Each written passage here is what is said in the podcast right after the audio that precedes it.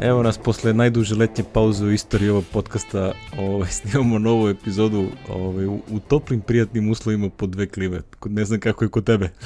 Imaš dve klime, sram te bilo, zato ne ni nestaje struje ovde. Z zato ja moram da proveravam ovaj, iz, iz Grčke da li, mi, da li mi mašina još torrentuje ili ne. Ovaj, ups, niste ništa čuli. ups. Mi torrentujemo ništa. Ne, sam. ne, da li mi još ono torrent. Ovaj, u legalne sadržaje. Ma ne, šalim se, nije to, nego da li mi se digo server ili ovo nije. Nestalo mi struje jedna, ono, ono, ko one noći kad sam išao za, za, za Portugaliju, kad sam kretao, je tako i ono, pred ovaj put tog dana, u toku dana je nestalo jedno 7 puta struje, znaš. Ovo, ja, ja, to jedino zbog klima je tako. Nemam ja klimu ovde dole u rupi, nego imam otvoren prozor, pa ako bude prolazio neki ovaj srećom sreda, Partizan je ispao iz ovih evropskih kupova, pa ne igra na stadionu, tako da neće biti buke ovde ispred mene. oj, oj. I, e, psi ne parkiraju bre skroz ovde do mene do kraja. Ja sam recimo moje Znam, poslednja zgrada. Isto tako kod mene kad su koncerti u areni ili nešto u areni. E, jeste. I onda kad krenem negde i moram se vratim dok je ono utakmica, to je agonija sa parking mestom. I onda je ovaj smo rešili ovaj tako da, da, da što se kaže sada nema pa imamo sreće, je to je. Dobro. Šta smo imali umeđu vremenu? Ja, mnogo toga. Među vremenu smo imali da zaboravimo, to jest zaboravili smo da kažemo follow up. Da. To jest, možda nismo, čekaj, čekaj, čekaj, nismo bre. To je 36, 37, znači nismo imali kada da kažemo. A nismo imali, ne, ne, nismo preskočili, mi smo ono... Da, da, dobro, već sam se zavirio, pošto 36, ovo je 38 i onda sam se zabrao da, da, da. koja sad beše kada... 37 je snimljena zajedno sa 36, to je ono... ovaj, da, da, da, jasno. Sekli smo, morali smo da sečemo. Pazi, bilo je davno, pre mesec dana, ko će se seti. A da, mnogo davno. Mnogo davno. E, anyway, šta, šta, o čemu pričamo ovaj, na MakeSerbi.org forumu, Darko Selaković nam je ostavio ovaj, follow up. Na, naš drugar iz Čačka, inače ovaj, svojevremeno se čak bavio i prodajom malo kompjutera ovaj, Apple-ova, imao je Darko Shop se zvalo, ovaj, to ovi stari članovi Srbija znaju, ali ovaj, možda i Darko zaboravio pa da ga podsjetimo. Uglavnom, Darko kaže da nas je upravo slušao epizoda 36 i bio je vrlo, vrlo precizan. Kaže, ljudi hoće da rade. Na 40. minutu i 48. sekundi je Alek pomenuo da novi MacBook je težak kilo i 100, što je u stvari težina MacBook Air od 11 inča, a ovaj novi MacBook je 920 grama. Jesi ti to proverio? Mislim, u praksi gledao, ali, i na netu. vrlo moguće da je u pravu, zato što se je stvari premuto u glavi. A, on je, sad će da je Schiller to rekao, ono, dve funte, jel? Da, da. Tako da tomu dođe, funta je 900 i nešto grama. Ne. Ne, funta je ne, malo manje od pola kile, to je. Da, pa da, nešto malo manje od toga, tako da moguće da je, da je zaista ovaj, da je čovjek pravo. Evo, to jest, vrlo, vrlo sam, što sam ubeđen da jeste. tako da, hvala Darko. Sad ćemo da znači, vidimo... Ja sam linkovu u show notes stavio tačno model, koliko ne znam da sam prošli put stavljao, ne sjećam se, ovaj, Core, Core M5 1,2 GHz model. Aha. To jest on ima ono na 1.1, 1.2 i 1.3. Ja sam uzao ovaj srednji. Srednji, da, 1.2. 1.3 je kao build to order, a? Ili mi da, čini? to je 1.3 M7. I on je build to order, ne može da se kupi ovako, a pošto sam ja kupovao ono na blef, tako da je bilo daj šta ima. E, evo, piše lepo na specification www.apple.com MacBook Spec piše weight 2,03 pounds ili 0,92 kg i ima ono na dvojici, kako se kaže, fusnotu da vidiš pod brojem 2, šta kaže broj 2 sitnim slovima, težina varira od konfiguracije i procesa proizvodnje. Dakle, da, ovaj, to je to. Plus minus ali, 5 grama. plus minus 5 grama. 920 grama, Darko je u pravu. Darko je u pravu i ovaj, hvala Darko, šta da kažemo. Starat ćemo se da, da, da, ovaj, da, da izmerimo laptop kad kupimo. Rekli, stari smo ljudi, pod onom pamćenje varira, tako da...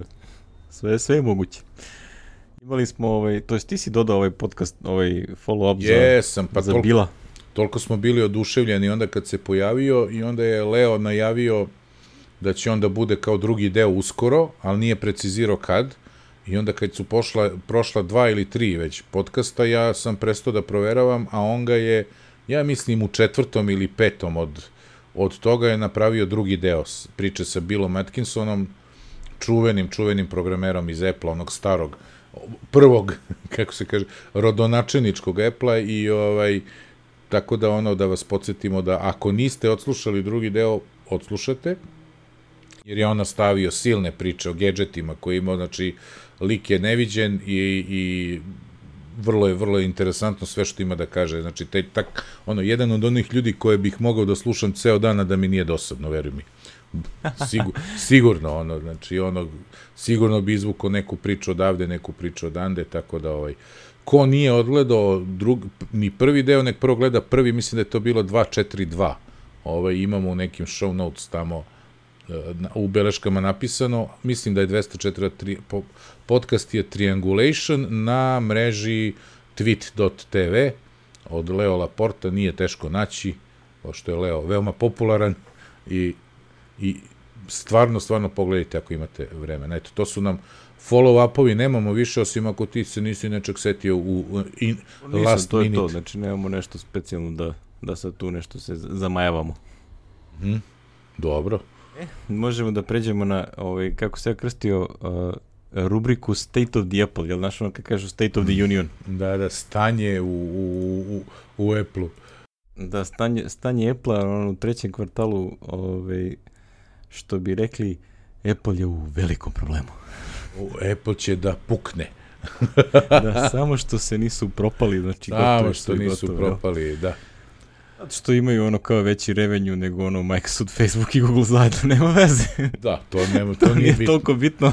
to nije bitno. Bitno je da je, a, su manje zaradili nego prethodnih, prethodnog kvartala, to jest prošle godine. Kaže, isti kvartal prošle, prošle godine, godine. Isti kvartal, jel, manje para, manje svega, tako da šta da se radi, teška je kriza, ovaj, morat će da se zadovolje sa tih 50 milijardi, to je 42 42 milijarde da su imali revenue. 7,8 je profit, tako da profit. sitnica. Sjeo sram ih bilo nije više 10. Kako, da, kako su smeli da se usude. Ovaj... Ima ovde nešto mnogo da se komentariše, sem da Nema. Ovaj, a, manje više sve linije su opale, a, što je, da. kad god, što god da pogledaš manje više očekivano, a, svako ko si ole razume u hardware ili ono kao gleda bilo koji sajt, ono dobit će savjeti nemoj sad da kupuješ Mac i tako unazad godinu i kusur dana. Upravo tako. da naravno da je prodaja Maca ono manja nego što što bi inače bila. Koji Mac da kupim? Polovni. Ovo što se ja kupio, to je jedini koji je obnovljen, sve ostalo je ono... Koji god budeš Ima ona gubu... divna, divna uh, tabela ono na Buyer's Guide-u na MacRumors.com. Da, MacRumors je onaj čuveni njegov. Za sve Macove piše do not buy. sve crveno je. sve ovog mog koji piše ono, ono buy now. Inače svi ostali su do not buy, tako da ono, sjajno.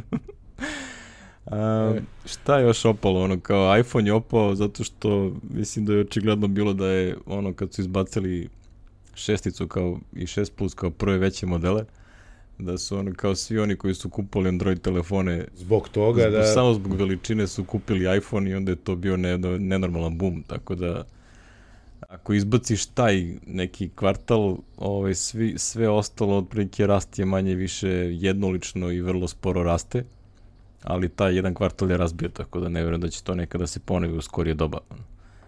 Znači ne znam šta treba da urade novo da bi ono kao sad tolika masa ljudi krenula da kupi novi model. Prosto nije, nije normalno. Vidjet ćemo u septembru. da, da. Pa, ne, možda sledeće godine ako nešto drastično promene, tipa one, najavljuju one neke ludosti, tipa edge to edge display i te fore. Ko će ga znati? Pa vraćanje na staklo sa aluminijuma i tako. Znaš, svakakvi glasi na to ima. Ali mislim, bože moj. Stavili smo link na, na Apple, ovaj, na Six Color site. Ima lepi grafikona, ima fini ono, komentar kratak, ono, Jason to lepo napisao, tako da koga zanima neka gleda. Ali generalno ono kao, koliko beše para Apple izgubio na berzi? Ne znam, sećaš cifre, ja sam nešto ne znam, mozak. Ne znam, nis, nisam nešto pratio. Nešto kao, ne znam, 100, 100 milijardi nešto, ono, 60 milijardi, da, da, nešto, tako neka ludost. Ono. Apple, nije, ni, Apple je izgubio tu nominalnu vrednost, te skoro sam sinu u kolima objašnjavao, pošto mu je, mu je fasciniranje ono, počeo čitao je neki kviz o Apple-u, kad je osnovan, koga je osnovao i onda mene propituje, znaš, i onda kao je fasciniran da je onaj Ronald Wayne, znaš. Ovaj, čovjek bi danas imao toliko, rekao, sine, pitanje E, što su ti, to, se to su ti papiri, to danas ako prodaš može da bude, a sutra već ne mora da znači, jeli, tako da je ovaj, Tako i ta cela, da pritom, zato sam ja i prestao da pratim te akcije. Znaš, pratio sam svoje vremeno svakodnevno onaj Mac Daily News, znaš. I oni su imali, uvek imali te tekstove o akcijama kao rastu, rastu, pa kao koliko je Apple, koliko je ovo, koliko, koga je prestigao, koga nije po vrednosti. I onda, znaš, u jednom trenutku shvatiš, Apple je opet ubio sa nekim, ono, tamo, kvartalom, i pale su mu akcije zato što nije ispunio očekivanja, a Amazon koji nije imao profita su mu porasle akcije. I onda sam prestao i shvatio da to, ja ne znam naš kakva su to merila, nisam ekonomista, tako da ne mogu da, da sudim, ali meni je to, bre, nelogično. Znaš, nelogično mi je u potpunosti nelogično. Ima svašta tu ono ludosti, misli, to su ono i, i, igre za igre za short term, long term igra, igrače, tako da, who cares. Ali ono kao, jel, svaki put kad se desi tako nešto, ovaj, mora mal, bar malo da se reaguje, tako da Apple PR ono, jel, pozvao autora knjige Becoming Steve Jobs i rekao, vjerojatno su mu rekli, jel hoće ti da pričaš s ovim našim CEO, CTO i tako dalje. I on rekao, naravno hoću. Tako da je na Fast Company se pojavio pre neki dan ovaj, članak gde pričaju Tim Cook, Eddie Q, Craig Federighi, ovaj, a, ono, šta i kako planiramo, šta se tu radi, a obzirom da brand te celi ovaj, a, nije neki od onih analitičara koji ono pišu gluposti, ovaj, niti od onih nekih novinara koji ono stalno teraju tu priču da Apple samo što nije propao, to što su do sad imali uspeha, to je slučajno. Tako da je čovjek napisao dobar i zanimljiv tekst na, na osnovu relativno malo citata, ono, ja tu nisam video, ne znaš, možda će da objave neki kažem, integralno te intervjue kasnije, to obično urade. Ali ovde nema nešto mnogo citata, znaš, ono, mada je ono, cela ta priča dosta lepo ovaj, upakovana. Gde mi se najviše sviđa ovaj deo gde su spominjali ovo oko Maps. Šta rade sa Mapsom i zašto su to ovaj, odvojili, to jest zašto su otkačali Google i tako dalje. I interesantan komentar koji je ostavio Eddie Q, kaže, ovaj, mi u početku nismo bili svesni koliko je to loše Zato što tamo u tom kraju gde mi živimo sve je bilo sjajno. ja, kad se oni voze tamo po Kupertinu u San Francisco i ostalo, tamo sve radi i sve je sjajno. Tako da sad otprilike hiljade ljudi radi u Maps timu, ovaj, a, ulože se jako puno da a, para da, da se to poboljša i sad sam skoro video par nekih tekstova gde ljudi napomenju kako im ono plike Apple mape rade bolje od Googleovih i dalje ima i ono suprotnih priča, ali očigledno da se tu ono kao su skapirali da da zanimljiv komentar je bio da je u stvari public beta za iOS između ostalog bio inicijalni time što oni nisu imali dobar način da testiraju koliko te mape zaista funkcionišu. Znači mape kao mape. Tako da je ono public testiranje, ono kao crowdsourcing testiranje mapa u stvari jedan od glavnih razloga zašto su počeli da nude public beta za, za iOS uh, operativne sisteme to je onako, jel, kad gledaš unazad kao to je logično, ali ono kao, za, znaš, ono, ni, ne bi pogodio u tom trenutku da je to baš zbog toga. Da, da. Tako da sim, simpatičan ovaj tekst, ovaj, koga, ko, ono, ako već slušate nas, to ono, verujem da vam je zanimljiv tekst da pročitate, tako da slo, navalite ono kao ima zanimljivih stvari da se izvuku iz toga. Mm -hmm. Mnogo zanimljivih. Anyway, šta smo još imali? Imali smo da je ovaj koliko je milijardu čoveče. Koliko pa to je ono što ima 9 nula iza jedinice. Da, da, da, to je. Ili da, ti... Da, to je ono, milijarda onaj reč to što imamo mi, ali Amerikanci nemaju, pa oni to zovu 1 billion. 1 billion, da. Dakle, da ovaj... Tako da to je, to je, to je super, jel te, prodali su milijarditi iPhone. Milijarditi iPhone je prodat, da. Što Stvarno, je ono... im, impresivna cifra, ovaj, kad se pogleda, uh, koliko kad su biš, znači 2000 Sedme, Sedme, da, u junu. Da, u junu. Eto, pre Ko, 9 koliko godina. je to u stvari naraslo, ono? Da, i bilo je ono predmet sprdnje mnogih, a eto, redefinisalo industriju, šta da, god kao, ko neće priča. To, ne, neće to zadugo kao i tako dalje, ali nema, nema, fi, nema rekao? fizičku tastaturu i ono, da, da. i tako. Da, to je bio posebno simpatično. da, da, argumenat. E, i tako da je Apple, što se kaže, prodao milioniti, milijarditi, jeli? Sada vidimo kad će dve milijarditi. Znaš, ono ko na iTunesu, milion pesama, milijarda, kad će sledeći? Sve, više, sve manje i manje će biti potrebno, jel? Da, bit će jako ovaj. teško se nađu ti neki taj, ono, milestone cifre, znaš, zato što ono kao šta je sledeće, dve milijarde, šta? Mislim, Da, kao... Ovaj, Dobro, tako da, od da, tih- je, nisam, nisam ovde navio linkovima, ali eto, pre neki dan je a, Tim Cook na Twitteru napisao da je mesec jul bio najbolji mesec u istoriji App Store-a do sada. Znači, sa najvećim brojem downloada, što E, da, to znači stavili. da Pokemon Go razbija. Razbijata. Eno, moj sine je jurio ih po Grčkoj i, i tako svuda. Juri ih ko nenormalan. Tako da ono što bi rekli, Apple, Apple toliko loše ide da ono kao više ne znaju šta će sa, ovaj, sa tim ciframa, kako, šta, da, šta da slave, jel? da, da, to ti citiraš ono što je neko je šerovo, do sada su isplatili 50 milijardi dolara, je li tako, developer, sam ja to dobro pročitao. jeste. Do sada, je- mislim, ne, ne ono, od početka do sada, ne, ne, ne, ne u prošloj godini, nego od E, početka ja, App mislim, Store-a. ukupno od kad postoji App Store. Da, od kad postoji App Store su isplatili developerima 50 milijardi dolara, što je tim što ono kod prilike 30 u zadnje dve godine ili tako nešto. Znači, Da, da, to, da, To da, se, da. U, ono, ubrzava se uh, ta cifra, mislim, kad imaš toliko iPhone-a, više stvari za kupovinu, tako da nije neko iznenađenje. Mislim, ne, ne, ne Nije. vidim šta bi tu imali nešto specijalno da komentarišemo, sem da kažemo ono, bravo Apple, idemo Svak- dalje. svaka čast. Ajmo sad milijardu mekova, Ajmo milijardu mekova. milijardu iPada. O, ajde, iPada dalje. će možda u dogledno vreme, ali mekova ne znam da li će ikad dostići milijardu. Znaš, ono, A teško, mnogo su ono, kupi. Pa, da, da, teško, teško. Ovaj. Ovaj, ima druga, drugi jedan podcast, ono, ti si već spomenuo Bill Atkinsona i uh, Triangulation.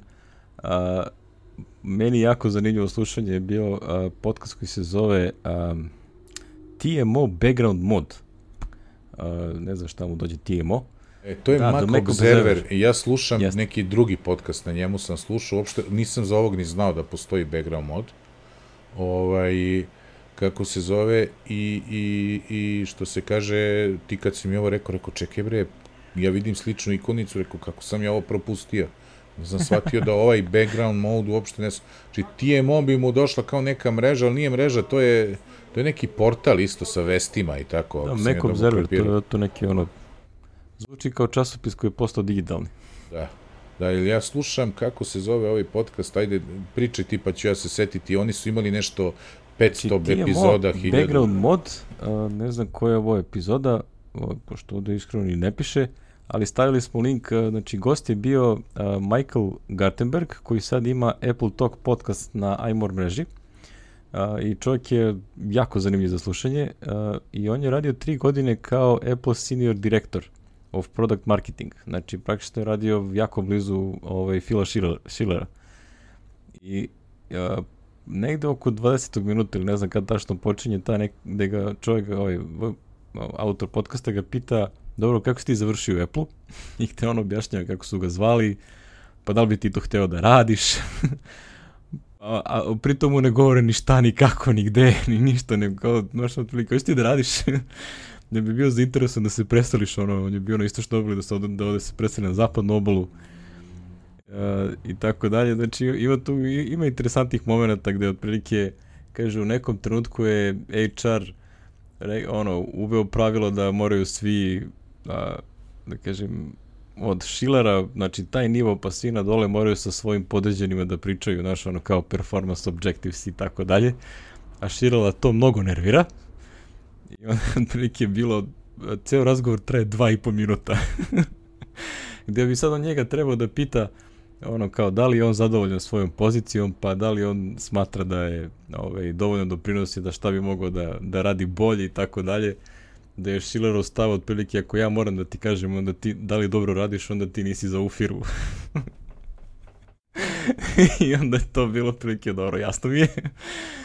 Tako da ono interesantno je da, da, da se sluša ono znaš otprilike uh, a on je radi, radi u nekoj istraživačkoj firmi znači koja ono se bavi istraživanjem tržišta. I da su ga oni zapazili zato što je imao jako dobre komentare, pogotovo ono vreme kad su ono kao bilo dominantno priča o tome da Apple ovaj, samo što ne propadne i da će ono kao Microsoft i ovi ostali da, im da ga pojedu za doručak ono čim krenu ozbiljno da se bave mobilnim telefonima i tako dalje. Tako da on ima dobre, dobre tekste, ja se sećam iz tog vremena, te, sećam se njegovih tekstova iz tog doba uh, i nije ni čudo što su ga zvali da se bavi time. Tako da in, interesantan podcast, ono nije nije dugačak, jedno 20 minuta je ta drugi deo te priče. Mada je ce, cela epizoda nekih 40 minuta jako interesanta. Znači, što realno je zanimljiv čovjek, tako, a ja još uvijek nisam im našao vremena da preslušam Apple Talk. Ni ja, e. Da, vidim šta ja. tačno pričaju, šta, šta, je, šta je tematika. Ja sam se kao subscribe-ovo, pa mi je nešto se tu pođapalo na ovom ovde. Nego evo gledam ovaj e, background mod, postoji, prva epizoda je objavljena na moj rođendan prošle godine, 26. oktobra 2015. I e. ide nedeljno, tako da je to 1, 2, 3, 4, 5, 6, 7, 8, 9, 10 i ovamo od januara 12, 14, 16, 18, 20, 22, 24, 26, 30, 30, ubre. Negde 40 i neka epizoda, eto, do sad ima. I sve su tu, znači, najduža je 43, 47 minuta, evo. Sa Aleksom Grossmanom, 27. juna, a idu od 20, boga mi ima nekih od 20 minuta sam vidio, 22, 20 minuta su prve, do eto tako. Nije dugačko, može, a inače ove što sam ga ja pominjao se zove Mac Observers Mac Geek Gab Enhanced. Ovaj, I taj je, taj, taj traje godinama, znači trenutno poslednja epizoda 7. august 617. epizoda. Ubre. Znaš, ja to slušam Dosta. ponekad, nekad preskočim, nekad čujem, znaš, ima nekad nekih saveta, nekad ono mi je došlo da ih zovem kad nešto baš greši i tako. I ima još jedan, ne znam, na njega sam prijem, Apple Context Machine sam prijavljen, podcast, isto Mac Observer, Jeff Gemet i Brian Chaffin, eto. Tako da oni mm. imaju nekoliko, ovaj, jeli, taj Mac, Mac Observer ima nekoliko tih podcastova, jeli. Tako, a Apple Talk nisam čuo jednu i ne znam šta mi se pokarabasilo nešto u subscriptionu i, i, i više mi se ne prikazuje. Moram, moramo izgleda ponovo da se subscribe-ujem na njega. Ne znam šta je. Ne, dobro. Tako. Ne znam šta smo još imali, ovaj, mislim ono, kad, god odeš, kad snimamo podcast, mislim ono, kad, kad nešto radimo, kad pričaš o Apple u ovo vreme, ono, par nedelja ili me, mesec dana pred no, izlazak novog iPhona, to je mednes sa raznim rumorima. Ludilo, znači, ono, da. Tu izlazi sad sve i svašta, znači to nije zdravo. Znači, evo ga, ono, juče je bio neki tekst eh, Marka Gurmana na, na Bloombergu, danas je bio još jedan. A, onaj Ming Ki Chuo, ili kako se zove, onaj tamo negde u, u Aziji, ovaj, čuveni, jel te, analitičar sa dobrim vezama, ovaj, izbacio gomilu nekih stvari o Apple Watch generacija 2, čak će biti a, ažurirani Watch prve generacije. Ono, što, što bi rekla, što bi to radili? Misliš, šta je poenta?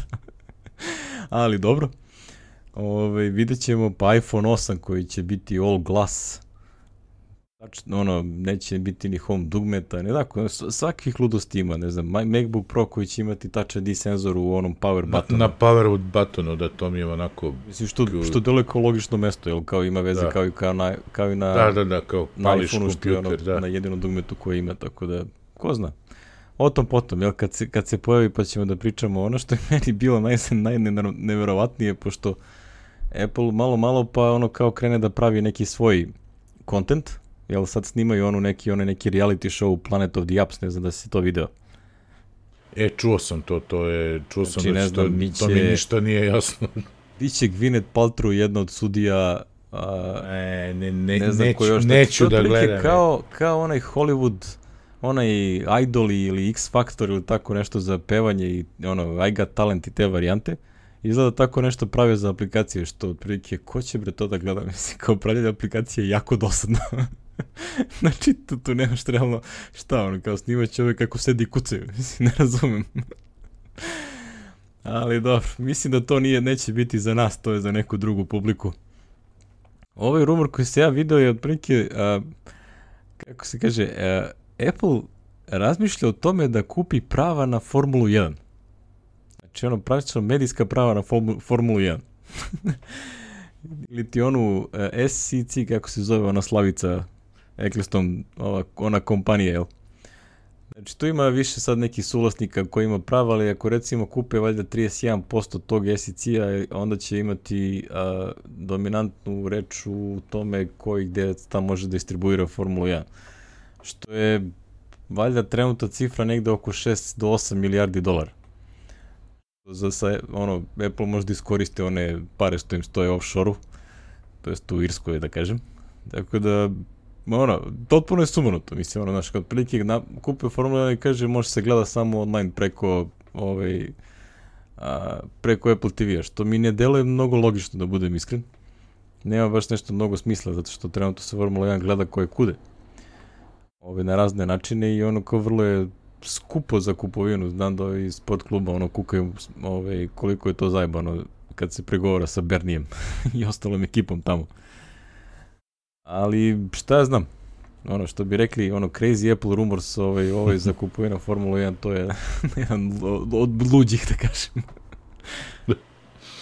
Ti si dodao neki link ovaj, vezan za Samsung i iPhone 8. Aha. E, da, zato što kao uh, ovaj, e, Tim Cook, odnosno Apple je rešio da čipove, jeli, za ono, to A10, mislim se tu pominjal, tako? Ovaj, mm. za, za taj budući iPhone proizvodi isključivo ovi, kako se zove, Tajvanci?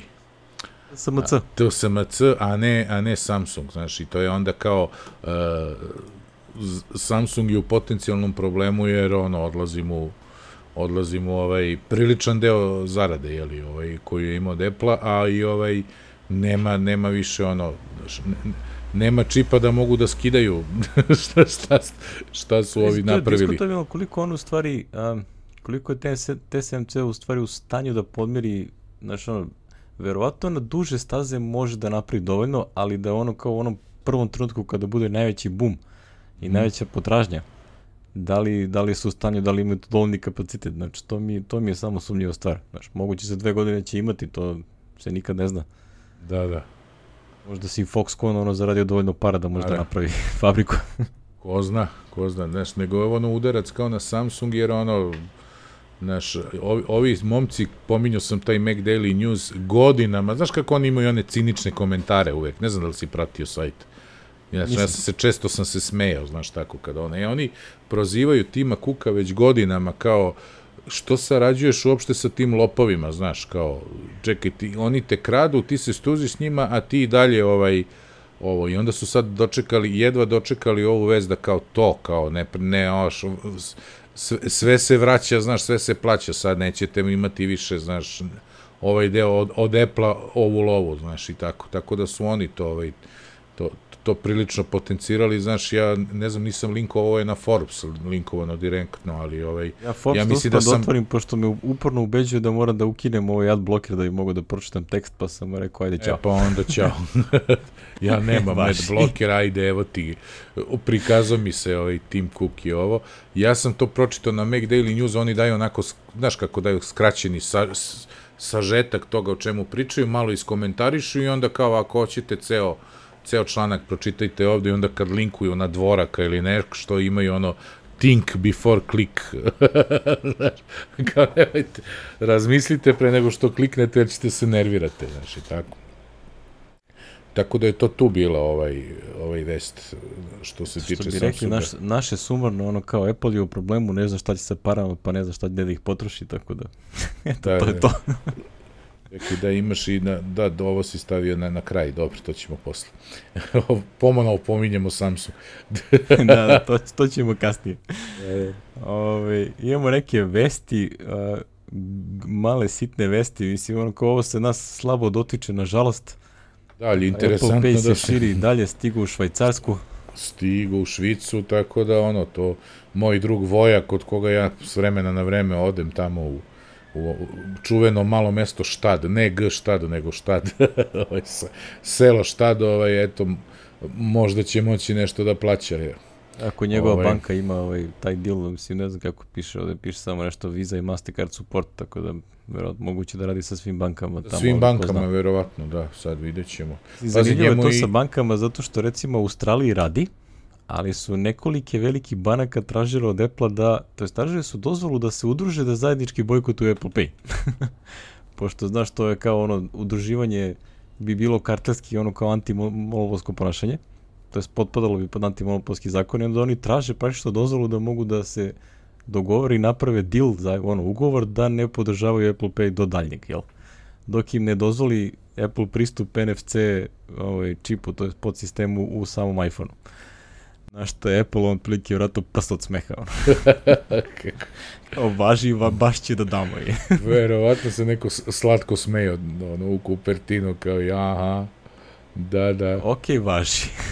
Mislim, evo danas je izašao ovaj odgovor uh, ovog, da kažem, sa, samog Apple na, na, na, na taj zahtev. Ovaj, rekli su kao, aha, kao nema, nema šanse, da što je si, a, ono, slabi security, blood truth, znaš već kako to ide ta priča. Ali realno mislim da prosto nema šanse zašto bi Apple ikome to dao da radi. Ako se ne sviđa, radite s nekim drugim, pa ono kao doći ćete na kraju maca na vratanca i ostalo. Da ono, znaš, ono, ako se desi da recimo to postane jako popularno i ovaj, upotrebljivo i onda druge banke koje to ne rad, koje podržavaju Apple Pay ono kao počinju da dobijaju klijente, ono kao da vrlo brzo se okrene taj čurak. Ako se to ne desi, onda će da ostane ovaj status quo i ne vjerujem da će Apple ikada ovo dozvoli da kao evo vam pristup do NFC čipa pa vi ono možete praviti svoj wallet. Da, ne verujem da će za malo. To. Ne, to, ne, to im dati neće. neće. To je za nas sve jako, ovaj, što bi rekli, daleko, pošto mi iz mog najnovijeg iskustva od pre dve nedelje kad mi je stigo Ivo za obnavljanje dev programa, mi i dalje nismo kao Srbija, ne možeš da iskoristiš naše kartice u Apple-om nekom backend sistemu koji zaista procesira plaćanje.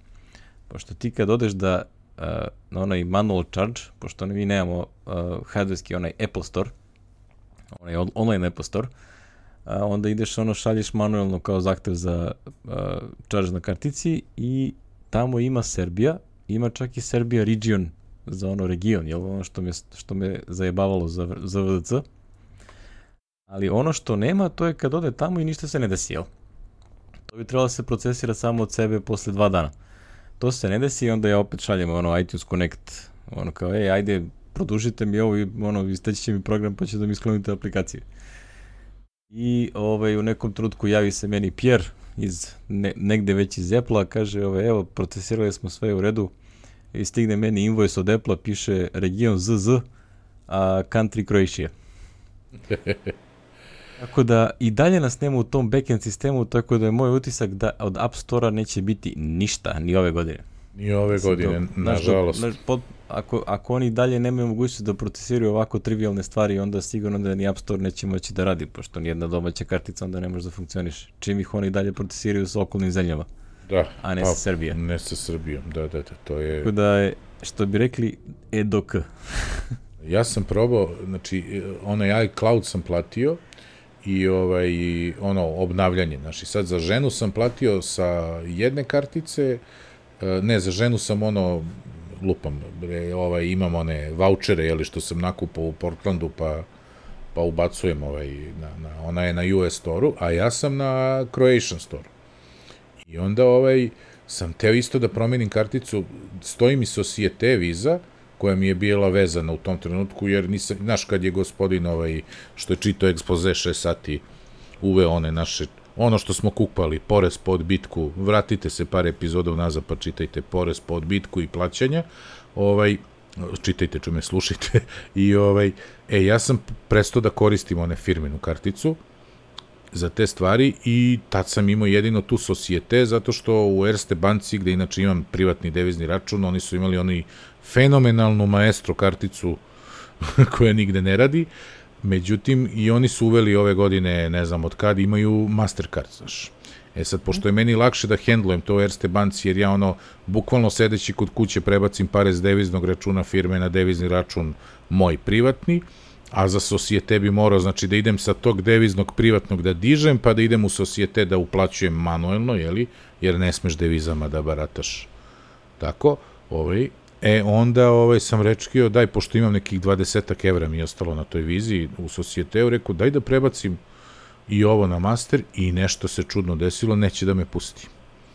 Znači, desilo se ono da kartica naša ne radi, jeli, to, iako je ranije radila na, na Croatia ova, znači ova viza radi bez problema i ranija Erste viza radi bez problema, a ovaj Mastercard ne.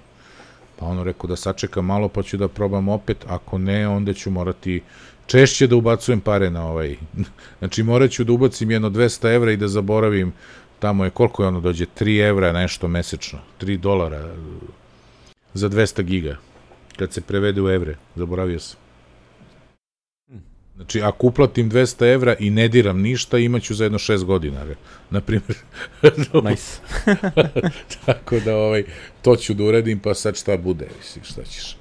Tako da, ovaj, to je. To sam teo ja da, da kažem na ovu temu, apropo Apple Store, ali stvarno mi nije jasno u čemu je tu. Volio bih kad jednom to sve prođe da nam neko iz državnog aparata negde dođe i objasni, ej ljudi, problem je bio u tome i tome i tome. Ali ja, ja da. stvarno ne, ne, ne mogu da razumem to, ja, ne, ne, jednostavno nije mi jasno zašto to. Što mi nije... Ne, nešto tu ono mnogo smrdi, a ono kao otprilike niko se ne hvata da to reši. Da, mislim, znaš, Apple boli uvo, kao jebi ga, ajde, vas ima i onako, da vas prebrojimo na prste šest ruku, ili jebem li ga, razumeš, a ovaj, ne, ne znam, ne znam, stvarno mi nije jasno. Znači, je bez veze. Voleo bi, znaš, ono, ono, to čak ni ovaj Sloban Marković je svoje vremeno pitao, ej, ljudi, u čemu je tačno problem da ono guram? Znaš da je bio neki pomoćnik u nekom? Znam, znam, sećam kad je bilo ono, Znao mene, pitao me šta je problem. Pit, da, ja ti kaš, nemam pojma, evo, mislim, problem se manifestuje ovako, ali uzrok ne znamo, niko ne zna šta je uzrok. Je. Znaš, i to sad ti treba da juriš tamo da, da kombinaš između ministarstava, ko, ko zna šta je to. Je. Znači, strašno. Strašno, ali dobro. Valjda će slajde 2000, valjda ćemo 2018. pričati, e, konačno imamo. Jeli? o nečem drugom, a? da, kao, e, sad možeš da staviš dinarsku karti, dinu, znaš, onu dinu karticu i vidi radi je. Znaš te, e, ta, da mi je to da doživim, ovaj, ali ne, nešto sam, što, što često pominjem čuveni citat naš, ono, kako se zvao, na, uh, strepnja mi je dublja od nade. da, da. Mislim da ja sam izgubio svaku nadu da će to nešto ikada se desi, pošto očigledno to nikog ne zanima, to je sve nas par sitnica. Šačice, jel? Budalaština, ja, budalaština. Kad se desi, bit ću prijatno iznenađen do tada ovaj, nisam iznenađen ako se ne dešava. Bolje da ništa ne očekujem pa da nešto dođe nego da kao nešto se nadam i onda... onda... Od prilike. Da, evo, evo, nadali smo se nešto na olimpijadi, ali ovaj... A jebke, ništa. Ništa, za sad ništa i do kraja ko zna šta će da bude. To je... A, dobro. Tako da bolje ne, ništa da se sad ne nadamo i da se nešto desi tako. Šta ćeš? E, e, ima jedna zanimljiva, ti si stavio ovo veste, neki je vezano za ARM prodaju. ARM se prodao, mislim prodat je, ovaj, kupljen je... Pro, Softbank je kupio ARM za nekih koliko veše nešto. Mi, neke milijarde, da, da. Neke sitne milijarde. 24,3, da. Japanska za, Softbanka. Zanimljiva vest koju si ti ovde stavio da je to u stvari 3,3 milijarde manja cena nego što bi oni platili da je to bilo pre onog Brexita. Da, da, da. što je funta opalo odnosno na jen, pa je ovima bilo jeftinije. Ovi su onda kao što je fenomenalno. Mnogo vam hvala, gospodo Britanci. Ovaj, kupili smo vašu firmu za, eto, par milijardi manje, eto. To je ovaj to, je baš, baš onako kako se, cinično, da, da budemo... Onako, baš ono, odličan poslani potez dru, drugara Britanaca. Da, da. Ali, bože moj, svako ima svoje budale, tako. da. Inače, vest nam je važna, jeli, jer šta sad, sve naše omiljene nam uređaje, osim mekova, poganja ovaj je li taj čip, mislim, pa, taj dizajn, ne, čip takvog dizajna. Taj, taj dizajn, znači Apple licencira uh, pravo da koristi ARM chipset i ono, sve te stvari, u suštini ARM ne pravi ništa, to je firma koja ono pravi dizajn čipova, ali ne i same čipove. Ali obzirom da manje više sad svi računari, sem ono desktop računara, su bazirani u neku, svi, svi mobilni uređaji se baziraju na nekoj podvarijanti ARMA, tako da je to ono kompanija koja drži ogromnu količinu intelektualnih prava na, na, na, da, na da. dizajn tih čipova. Tako da nije čudo što, ih, ove, što su toliko vredni, iako realno ne prave, da kažem, fizički ništa, jel? Da, da, da, ono samo znanje imaju, prodaju znanje. Ono, ona druga vest je dosta zanimljiva, da otprilike a, nisu pitali nikoga pa ni, ni sam Apple, niti bilo koga ovaj, oko toga A, da li da, žele, da, da, da, da li žele da li oni ima nek... nešto, da li imaju nešto protiv te prodaje. A, ja verujem da Apple uopšte ima prilično dobar ugovor što se toga tiče, znaš, da, da se štite od, od toga da, da. recimo ako se ovi prodaju, da sad oni izgube pravo da to koriste. Znači, ne verujem da to A, može da. se desi.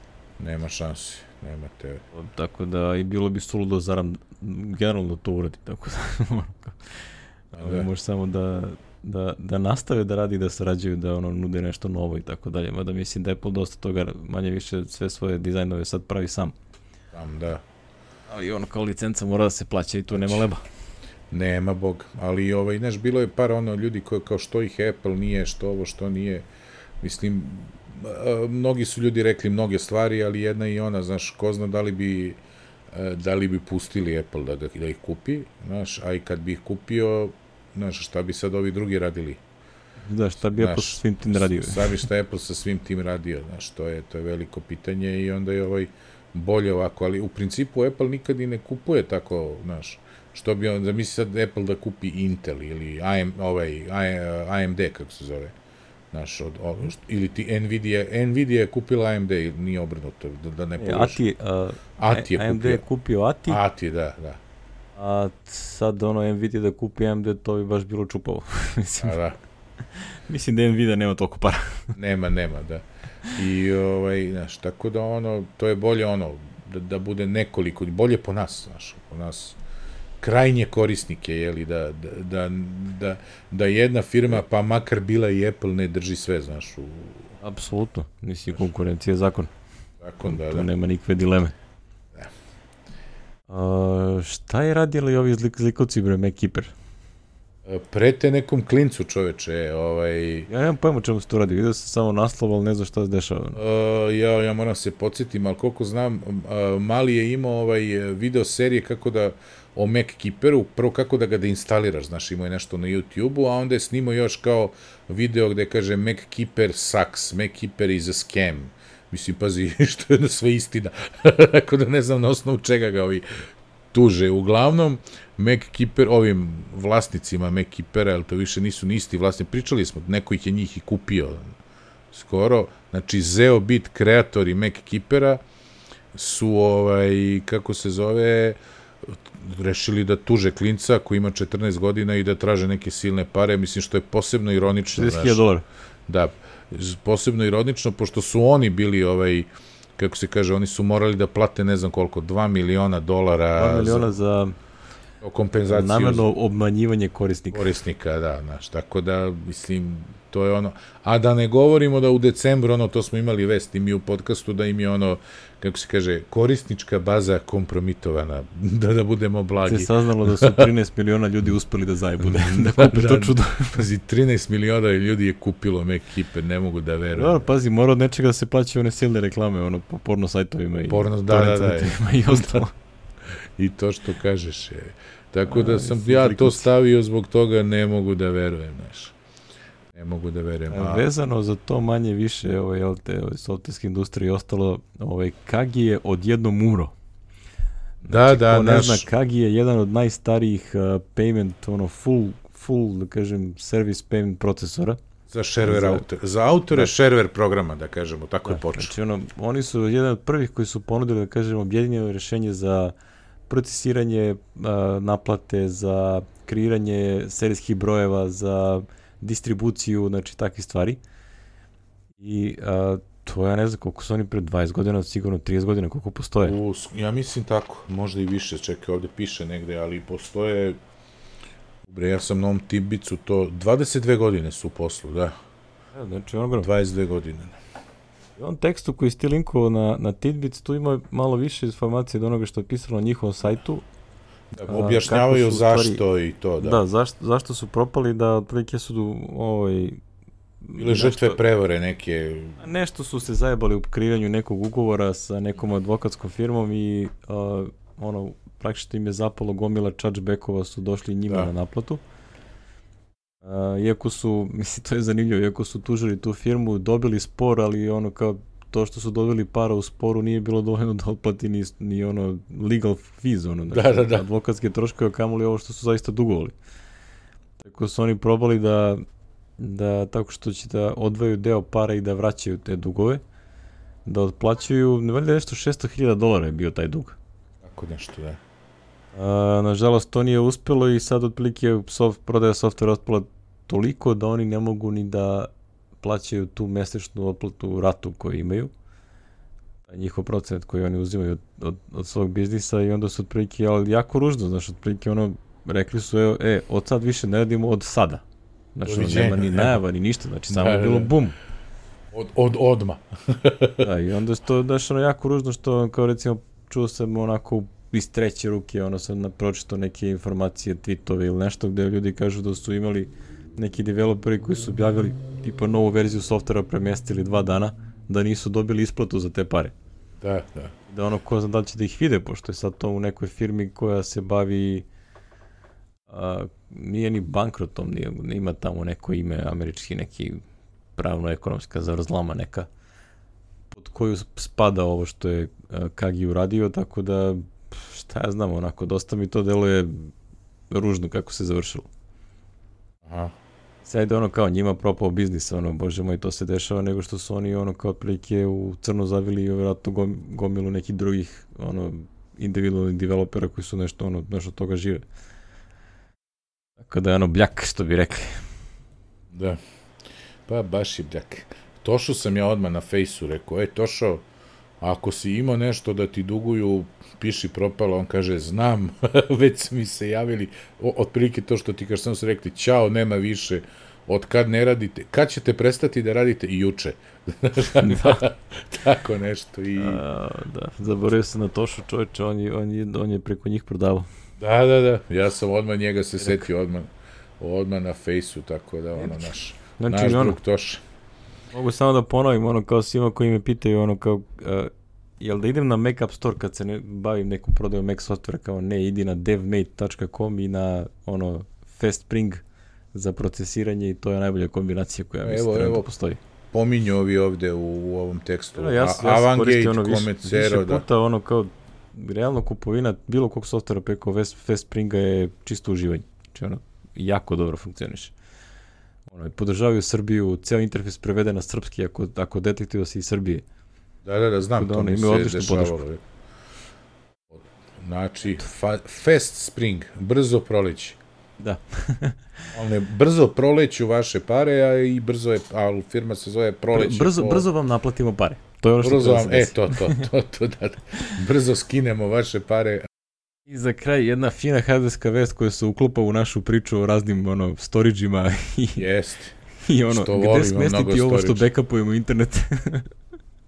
Upravo tako, da no, ceo internet ću da downloadujem. Da. Ne na Siget ovo. izbacio neke diskove od 10 terabajta, neki helium, nešto tehnologija, nešto ludilo. Nikad čuo do sada za to. Da, tri, z, ovaj, kako beše, crni, crveni, plavi, ako ja dobro ovo vidim. Ovaj, Barakuda Pro od 10 terabajta. Znači, e sad je pitanje da li naši nasovi i ovo podržavaju 20 tera.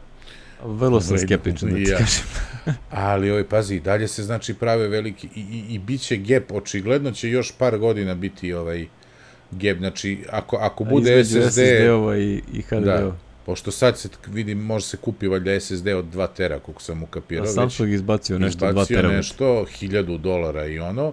Ovaj, eto, znači odnos 1 prema 5, pretpostavljam da će još par godina da bude ovaj, jeli, da, da će da bude u ovom, jer pazi, sad je bio i veći, možda se smanjuje se, bio je ovaj, kako se, imali smo već dugo onako relativno povoljno, može se kupi 1 tera, a hard diskovi su bili 6, jeli, što mogu da se kupe. Ne znam, nisam video negde 8 tera diskove da su baš, 6 sam čuo da se prodaju kod nas, ali od 8 nisam nigde vidio.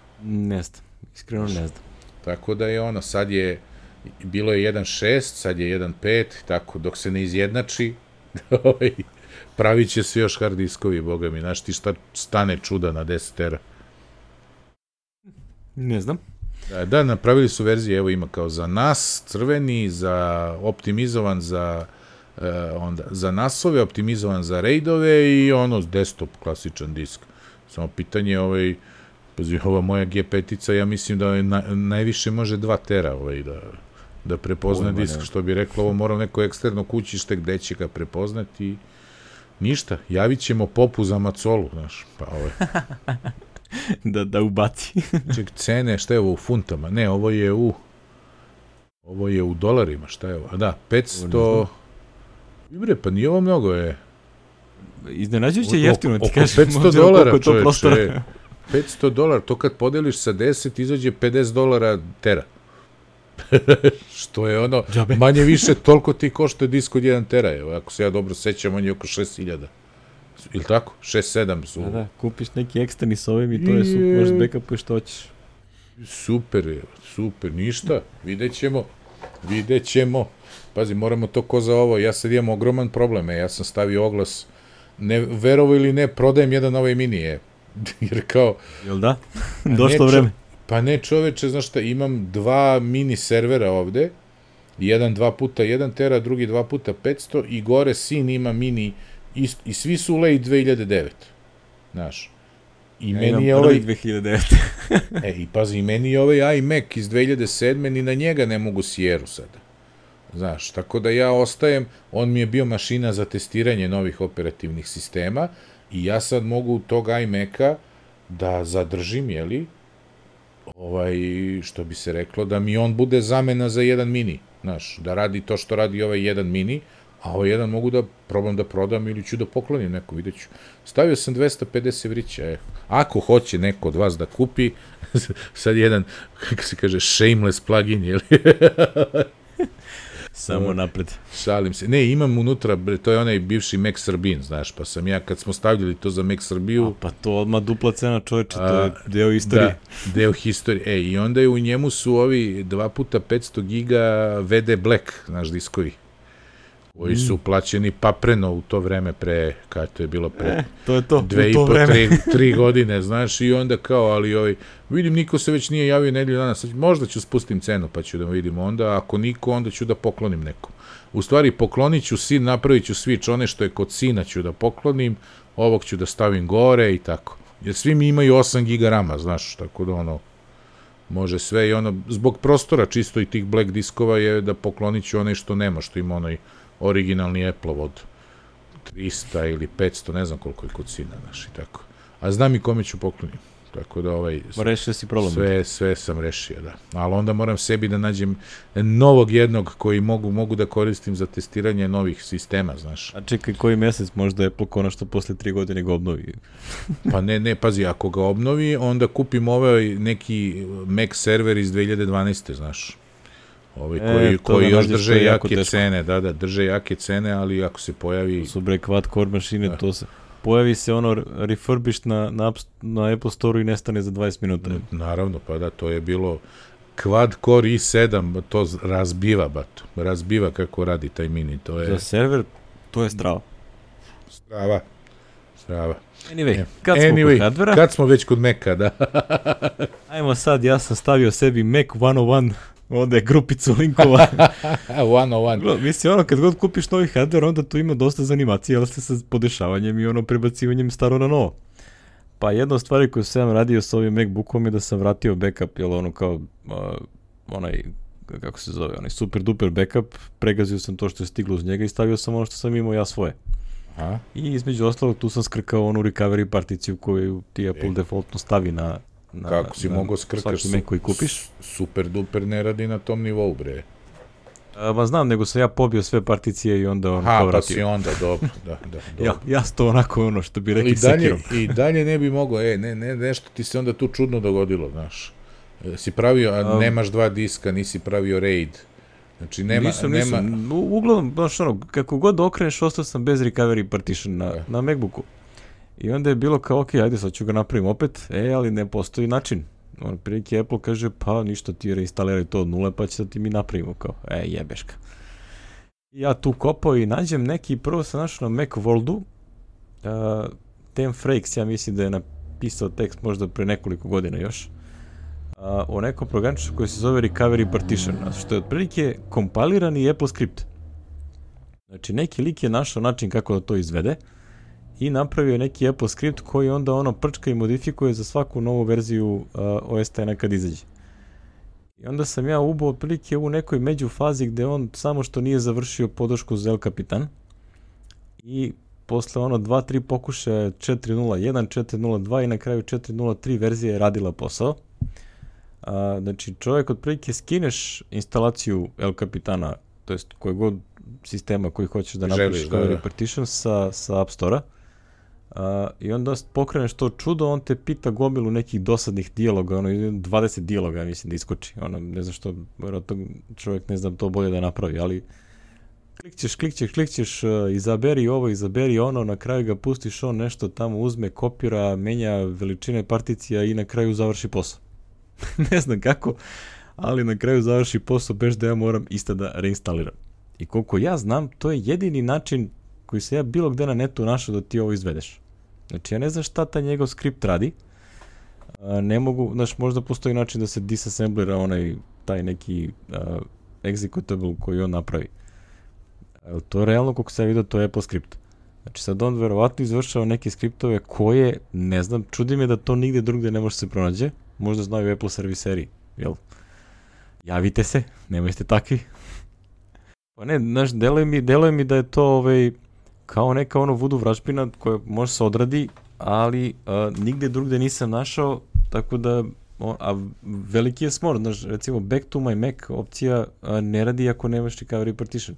Da, da, da, to ne radi, ne radi, mnogo, mnoge druge stvari ne rade. Ako Znaš, nemaš, tako da, ono, mnogo je glupo što ne postoji način da, znaš, očigledno da može se izvede, za, za, jedino što mi nije jasno zašto nije to onako više, onako poznata stvar. Ne radi ti File Vault 2, ovaj recimo, ne radi, Da, enkripcija da, ne da, radi, da, to nema, da nemaš čega isto. da krene boot, znaš, i tako. Ja da, E, ali- jasno mi je. Ja ovo što čitam ovde i koliko znam od ranije, zato sam i otvorio sada odmah ovaj frequently asked questions na ovom carbon copy kloneru, on to može.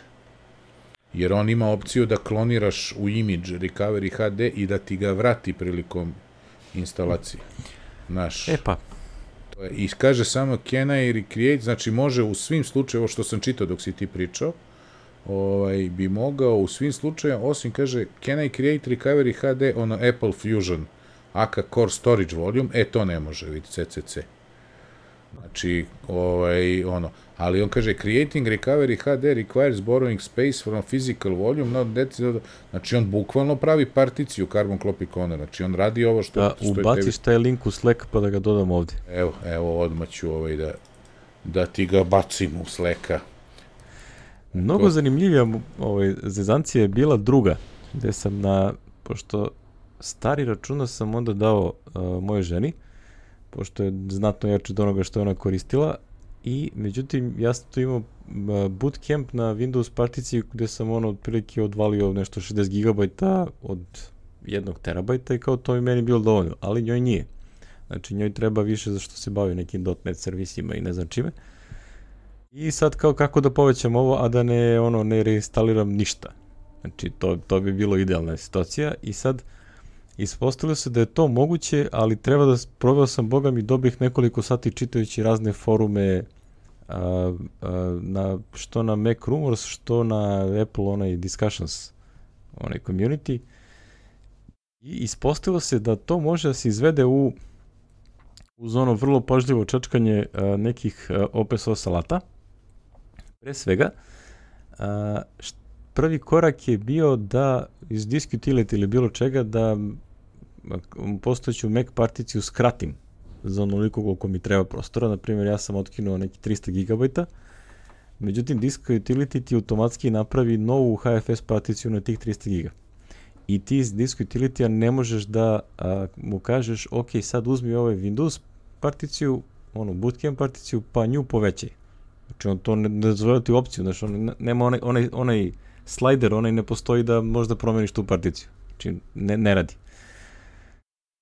E, ono ko to može da uradi je programček koji se zove G-disk. Ili ti što je valjda skraćenica od G, GPT F-disk. Aha, To ja su rekao, neki ono grow Ubuntu, disk. Linux, da, neki Ubuntu Linux, Linux, Linux salati. A, ja sam ovde stavio link, a, ima gomila linkova, ali prvi link ovde a, u show notes a, vodi na praktično kako je kod mene izgledao taj neki set koraka gde sam ja proveravao šta kako treba da uradim. Znači, ispostavilo se da je kad ti, šta, kakav je bio moj setup, ja sam imao SSD koji je bio jedna particija. A, uključujući on na kojoj je bio i ona EFI particija sa koje se podiže praktično mašina. Pa onda sam imao dodatni disk na kome sam imao bootcamp plus a, a, na tom disku a, ono dodatnu Mac particiju, pa kad sam skratio onda onaj tu Mac onda si imao dve HFS plus bootcamp plus još nešto, što je potrebno samom disku da funkcioniše. I onda tu ima mnogo više particija nego što recimo Master Boot Record možda uh, sadrži. Znači ono kao sad neko ko se razume ovo, vjerojatno ono čupa kosu koliko sam ja tu nešto izgrešio. Ali onako laički gledano, uh, da bi to, pošto Mac koristi onaj GUID partition table, to je to GPT, onda on, a Windows koristi onaj master boot record ili MBR, ovaj, taj neki sistem označavanja particija. I sad otprilike da bi i jedan i drugi mogli da rade, onda je Apple smislio nešto se zove hybrid MBR, gde on u, a, koristi GPT tabelu za sebe, a, a fejkuje MBR za da to može da vidi Windows da bi on mogao da se startuje sa, tog, sa nekog od diskova koji imaš na Macu, da bi Bootcamp realno mogao da radi. E sad, ti moraš da usaglasiš u suštini tu GPT tabelu sa MBR tabelom da bi uh, Windows radio i plus da ti iz Maca recimo vidi, vidiš tu bootcamp particiju, na primjer da VMware Fusion može da je pristupi. Ili da realno uopšte da je vidiš. Moraju da, da budu usaglašene što se tiče sektora na disku. I sad sam ja ovde ono kao otprilike ima čita set koraka gde ti ono izlistaš kako ti, gde na kom sektoru počinje i završava se svaka particija, što gledano kroz GPT, što kroz MBR pa onda treba da ih usaglasiš i onda sam koristeći taj G disk prvo ubio ovu particiju tu ekstra 300 da to postane unallocated space, a, s tim što to onda Mac a, vidi kao neki nepostojeći ono, prazan prostor. Znači nešto mu se tu ne slaže. Ali ako pređeš u Windows, u Bootcamp, i onda tamo startuješ neki od onih softvera za kreiranje rad sa particijom. Naprimjer, ja sam uzeo neki mini toolov Partition Wizard koji ima free edition sa kojim možeš da, da radiš, onda će onda vidi taj unallocated space i on će da svoju, da kažem, NTFS particiju koju on vidi, on može da je poveća i da uzme taj prostor.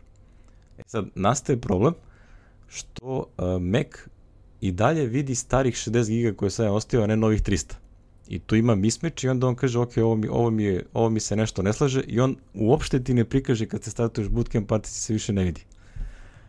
Što otprilike deluje kao data loss, znaš ono kao, ali pređeš u Windows, sve radi.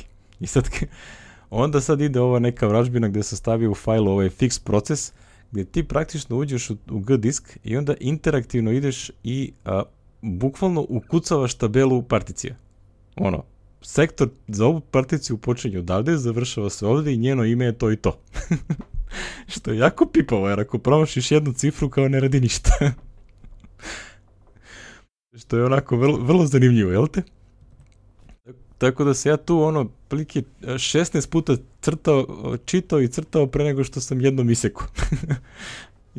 Jer ono, kao ako sad nešto zeznem, e da, a fora je što u suštini ti, ako a, ovaj G disk ti omogućuje da napriš backup a, te GPT i MBR, hibrid MBR tabele u, u bilo kom trenutku i možeš da je vratiš nazad.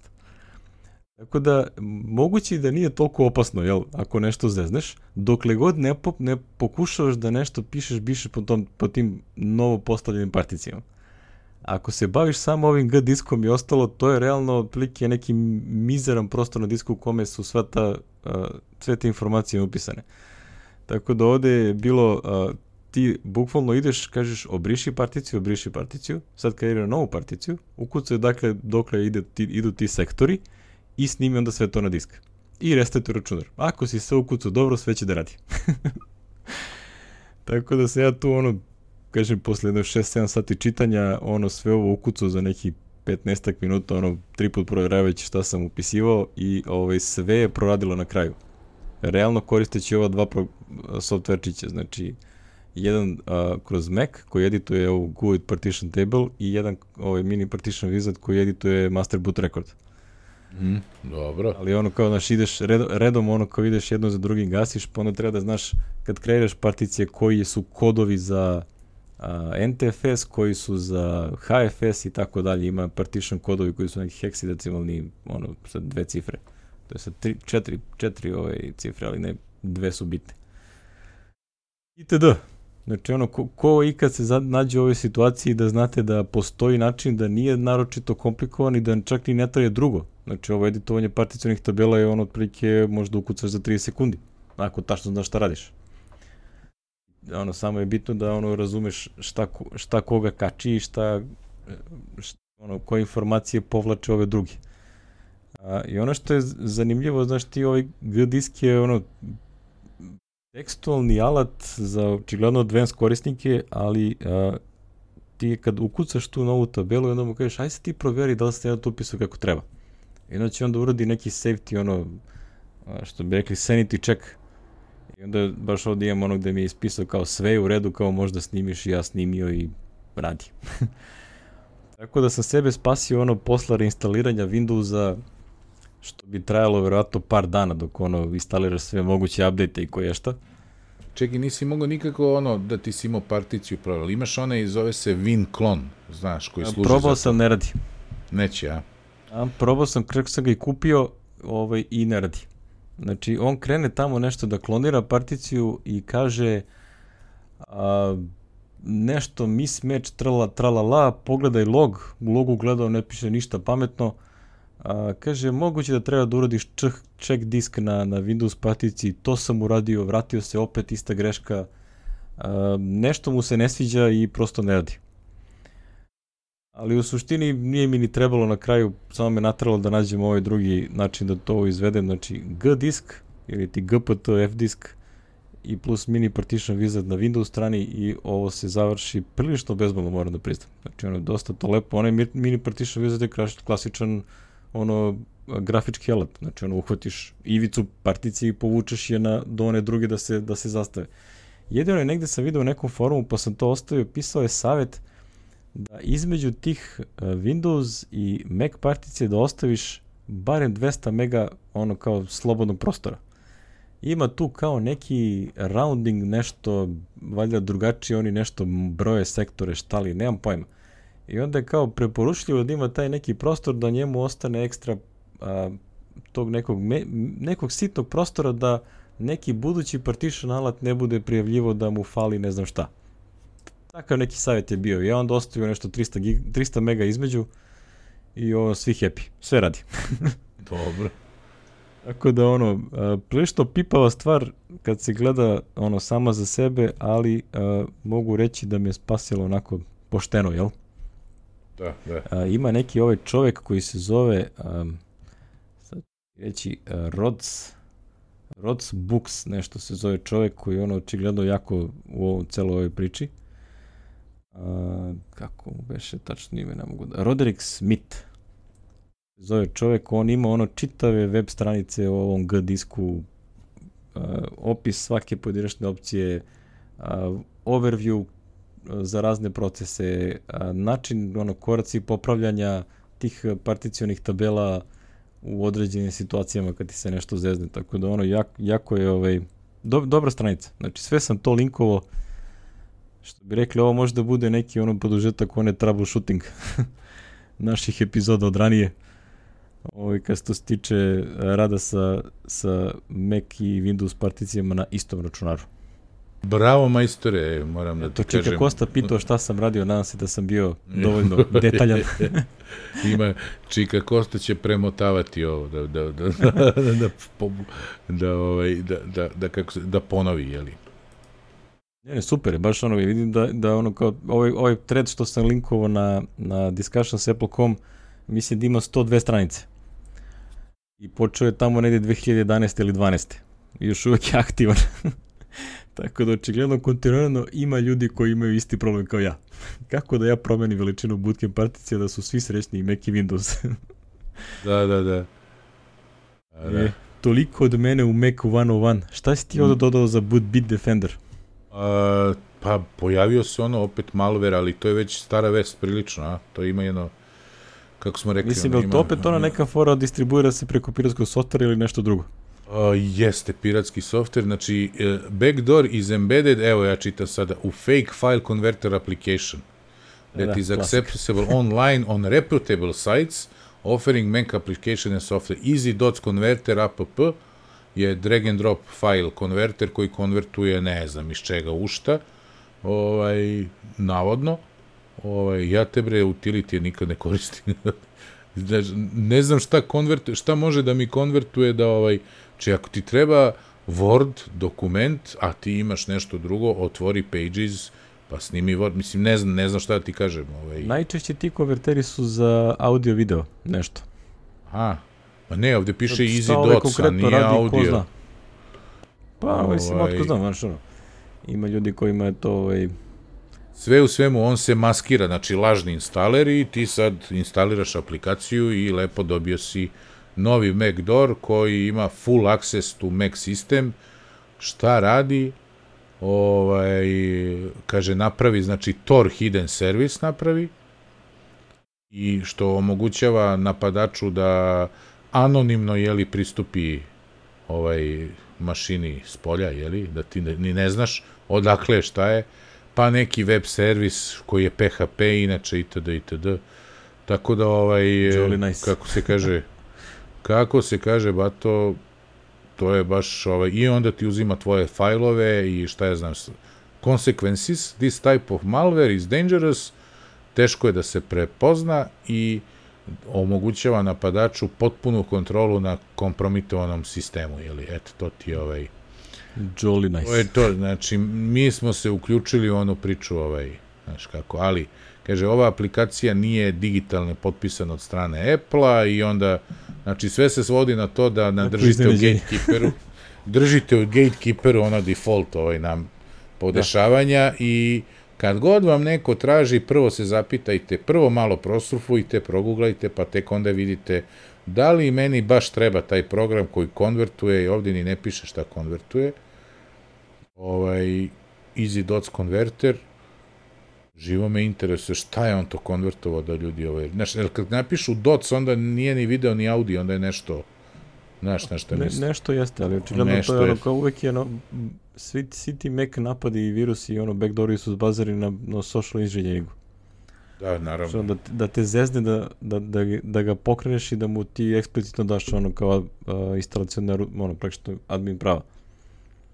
Da, evo, kaže To kad mu daš, onda ćao đaci. Ti kad si mu jednom to dao, onda doviđenja. Znaš šta je ovo, izgleda je ono PDF to Word i Word to, znaš, neka takva fora je. Moguće. To, to je, znaš. No dobro, eto, to, to samo ljudi da vas podsjećamo da eto, nismo više onako bezbedni kao nekad, jeli? nismo više... Idemo dalje. A, da. Idemo dalje, ti si ovaj ubacio link da Mac Tracker napunio 15, 15 godina. 15 godina, da, to je to Ono što mi spominjemo early 2016, early 2011, ovo ono. E, to ćete tamo naći sve. Da znate gde sve. se to gleda. da. Mac Tracker, znači ima matstracker.ca Kanada, Kanada, ima sajt, ali je mnogo bolja aplikacija, ima i iOS aplikaciju čovek, e, ima. besplatne su, besplatne su i Mac i iOS aplikacija u potpunosti i prilično redovno ažurira bazu, znači s čim Apple izbaci nešto novo, vrlo brzo i on izbaci novo. Znači, tu ćete naći apsolutno svaki proizvod koji je Apple ikada napravio dobro, osim ono potrepština, mislim, e, mi stariji mekovci se sećamo kad je Apple prodavao svoje prazne DVD-e, ne znam da li se ti toga sećaš? Nope. ne, e, imao si pa, i koštali su naravno četiri puta više nego ovaj DVD, verbatimovi isti u prodaju. U stvari, u trenutku kad su se pojavili i ne, znaš, ona klasična Apple, ali onda Apple drži cenu i to, znaš, imao sam ja jedno, sam uzeo od popa jedno dve kutije svoje vremeno. Tako da, ovaj, kao da bi bio siguran da će da snimi. Ne znam ko je pravio to za Apple, znaš, onako, mora bi da slikam jednom da stavim, da, da nađem negde takav, ovaj, da ljudi znaju da je Apple i to radio, ovaj, verovali ili ne. E, recimo, to nećete naći u Mac Trackeru jer nije hardware, ali sve od hardvera, štampače, monitore, apsolutno sve, od početka do danas, do dana današnjeg sa potpunim specifikacijama, znači čak i dotle kad niste sigurni da li može mašina, ne znam, da podrži toliko i toliko rama, u tom Mac trackeru obično piše, ovaj, kao i na ovom drugom, što ćemo ga kasnije pomeniti u sajtu, e, Apple kaže da može 4 giga, a vaša mašina u stvari može 8 giga, i to, on je, to je onda proveren podatak, jeli, jer to, su, to je neko javio kome radi, tako da ne, nema, nema nikakvih problema jeli, za to. Ovaj, obično i uvek ono što Apple stavi maksimalno može puta dva od početka, od početka Apple istorije pa do danas manje više može da radi puta dva. E, to ćete saznati iz programa koje je ovak saznaćete svoju oznaku i tako, šta sve može, koji je operativni sistem došao uz njega, koja je maksimalna verzija operativnog sistema koja može da radi na njemu. Ono što mene sad muči, sam pominjao ovog minija što prodajem, jer El Capitan će biti poslednja koja bez buđenja nekog uvek ima neka, neki hak da može i nešto novo, ali ovaj, bez, bez hakovanja će da poslednja verzija El Capitan, jeli? I ovaj, jedina mašina moja je moj laptop da mogu da nastavim dalje, ja se nadam bar još dve ove verzije, jeli.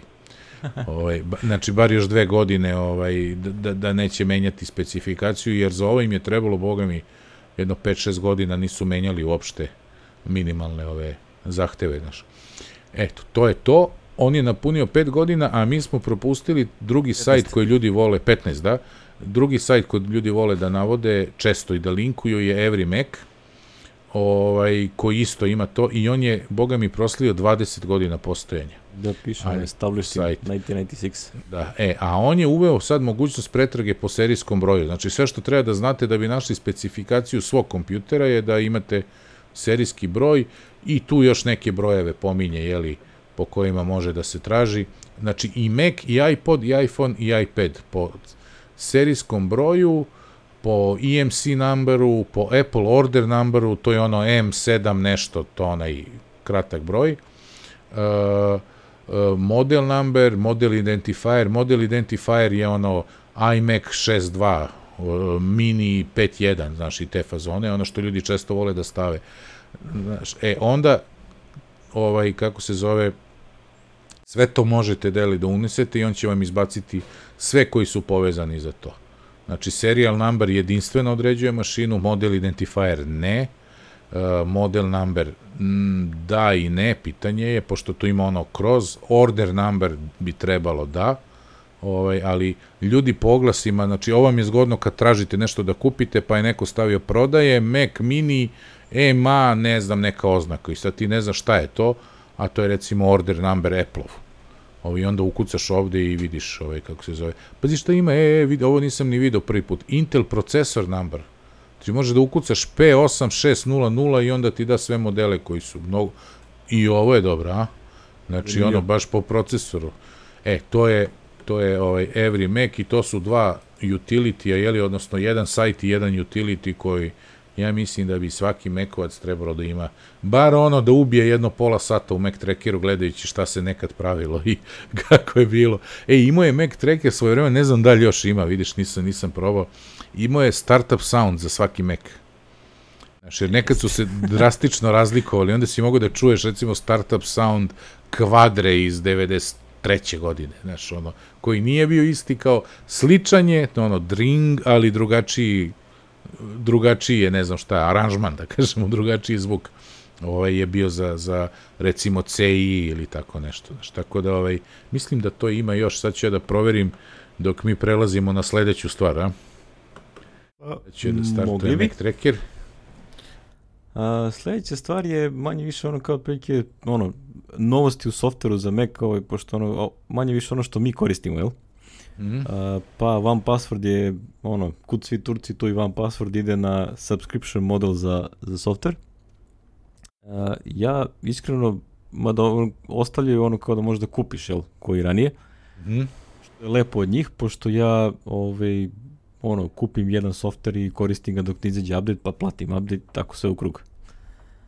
Uh, manje više, ono, ovde, mislim, ovo ima onaj, onaj one password ili one password for families, to je... Ima families, ima teams, ta dva ima. A, sad. Teams, mislim, to je otprilike, ako bi ti sad hteo da je neki deo, pošto oni imaju one voltove u kojima se čuva, da ono kao jedan volt bude zajednički za više osoba, znaš, pa da onda ima i, svi znaju taj password ili tu grupu passworda ili šta ja znam, neki možda ono na primjer, šta ima smisla tu da staviš? Ima smisla da staviš one softverske licence. Da. Što bih kopirao ručno, nego ono otprilike svi mogu da im ja pristupe. Ja to obavezno koristim, jer ono, često zaboravim čak i da li sam kupio neki, pošto sam toliko tih sitnih utilitija i pogotovo kroz one bandlove kupio, znaš. Mm. Ovaj, onda sam sve to nije me mrzalo da unesem, a šta više, svojevremeno Mac Update, mislim da ima tu foru, slao je import file za, za One Password. Jer znaš, kad kupiš nešto, neki bundle na Mac Update-u, dobio si jedan fajlić, double klikneš i on ti ubaci sve licence u, u, e, da, u da, da, One Password. To je bilo da, e, sad ne znam da li to rade i kad kupiš ovako, ali ono, utrošim vreme da to unesem jer me to spaslo par puta, da ne kupim dva puta nešto ili uopšte da vidim da imam nešto. E, skoro mi se desilo, evo ti, na primer, sad dok sam bio na moru, ili dok sam bio u Grčkoj i radio, pored bazena, ali sa relativno lošim netom, toga se nismo dotakli, to ćemo post show da pravimo, ovaj, kako se zove, e, izađe case, Nemci kao, da li neko ima actual ODBC driver broj, jer neki bug se ispoljava između Windowsa, Excel na Windowsu i Mac mašine na koje je 4D, ne, Mac, između Maca i Windows, nije važno, uglavnom moći da, da pristupi ODBC-om 4D-u, a za ODBC, uh, jao, jao, brkam, brkam, izvini, iz 4D-a pristupa MySQL-u, skoro sam pobrkao, izvinjavam se, izvinjavam se. Znači, iz 4D-a pristupa MySQL-u na mašini, ej, tu moram jednu vez da dodam kad već to pominjem, jer smo to u jednoj davnoj epizodi smo kritikovali Oracle. Znači, uh, iz 4D-a pristupa ovom, kako se zove, e, MySQL-u i recimo sečemu određenim SQL komandama iz 4D-a, jeli sečemu poslednji karakter ako nije u prvih 256, znači ako je ono diacritical, što bi rekli č, č, š, ili nešto seče, a drugim komandama ne, ali on kaže ne možemo to da utvrdimo jer niko od Nemaca nikad nije kupio actual driver. I ja se sad sećam da sam ja nekad pre par godina testirao actual driverom, i razmišljam da li mi je klijent poslao licencu ili ne. I Miki uđe u, jeli, u One Password, otkuca Actual i nađe da je on kupio Actual Driver verziju lupam 3.3, sad je 4.02, kupim pored bazena, jeli, odma izvadim karticu, kupim upgrade od 12 dolara, preuzmem slučaj, rešim slučaj i tako dalje. Istestiram sve mogućnosti ali me spasao Ivan Pastor jer ne bi, znači u mailu ga ne bi našao nikada je. Mislim, verovatno, ono, otkucam actual, možda zamisliš koliko bi mi mailova izašlo i, i tako i gde.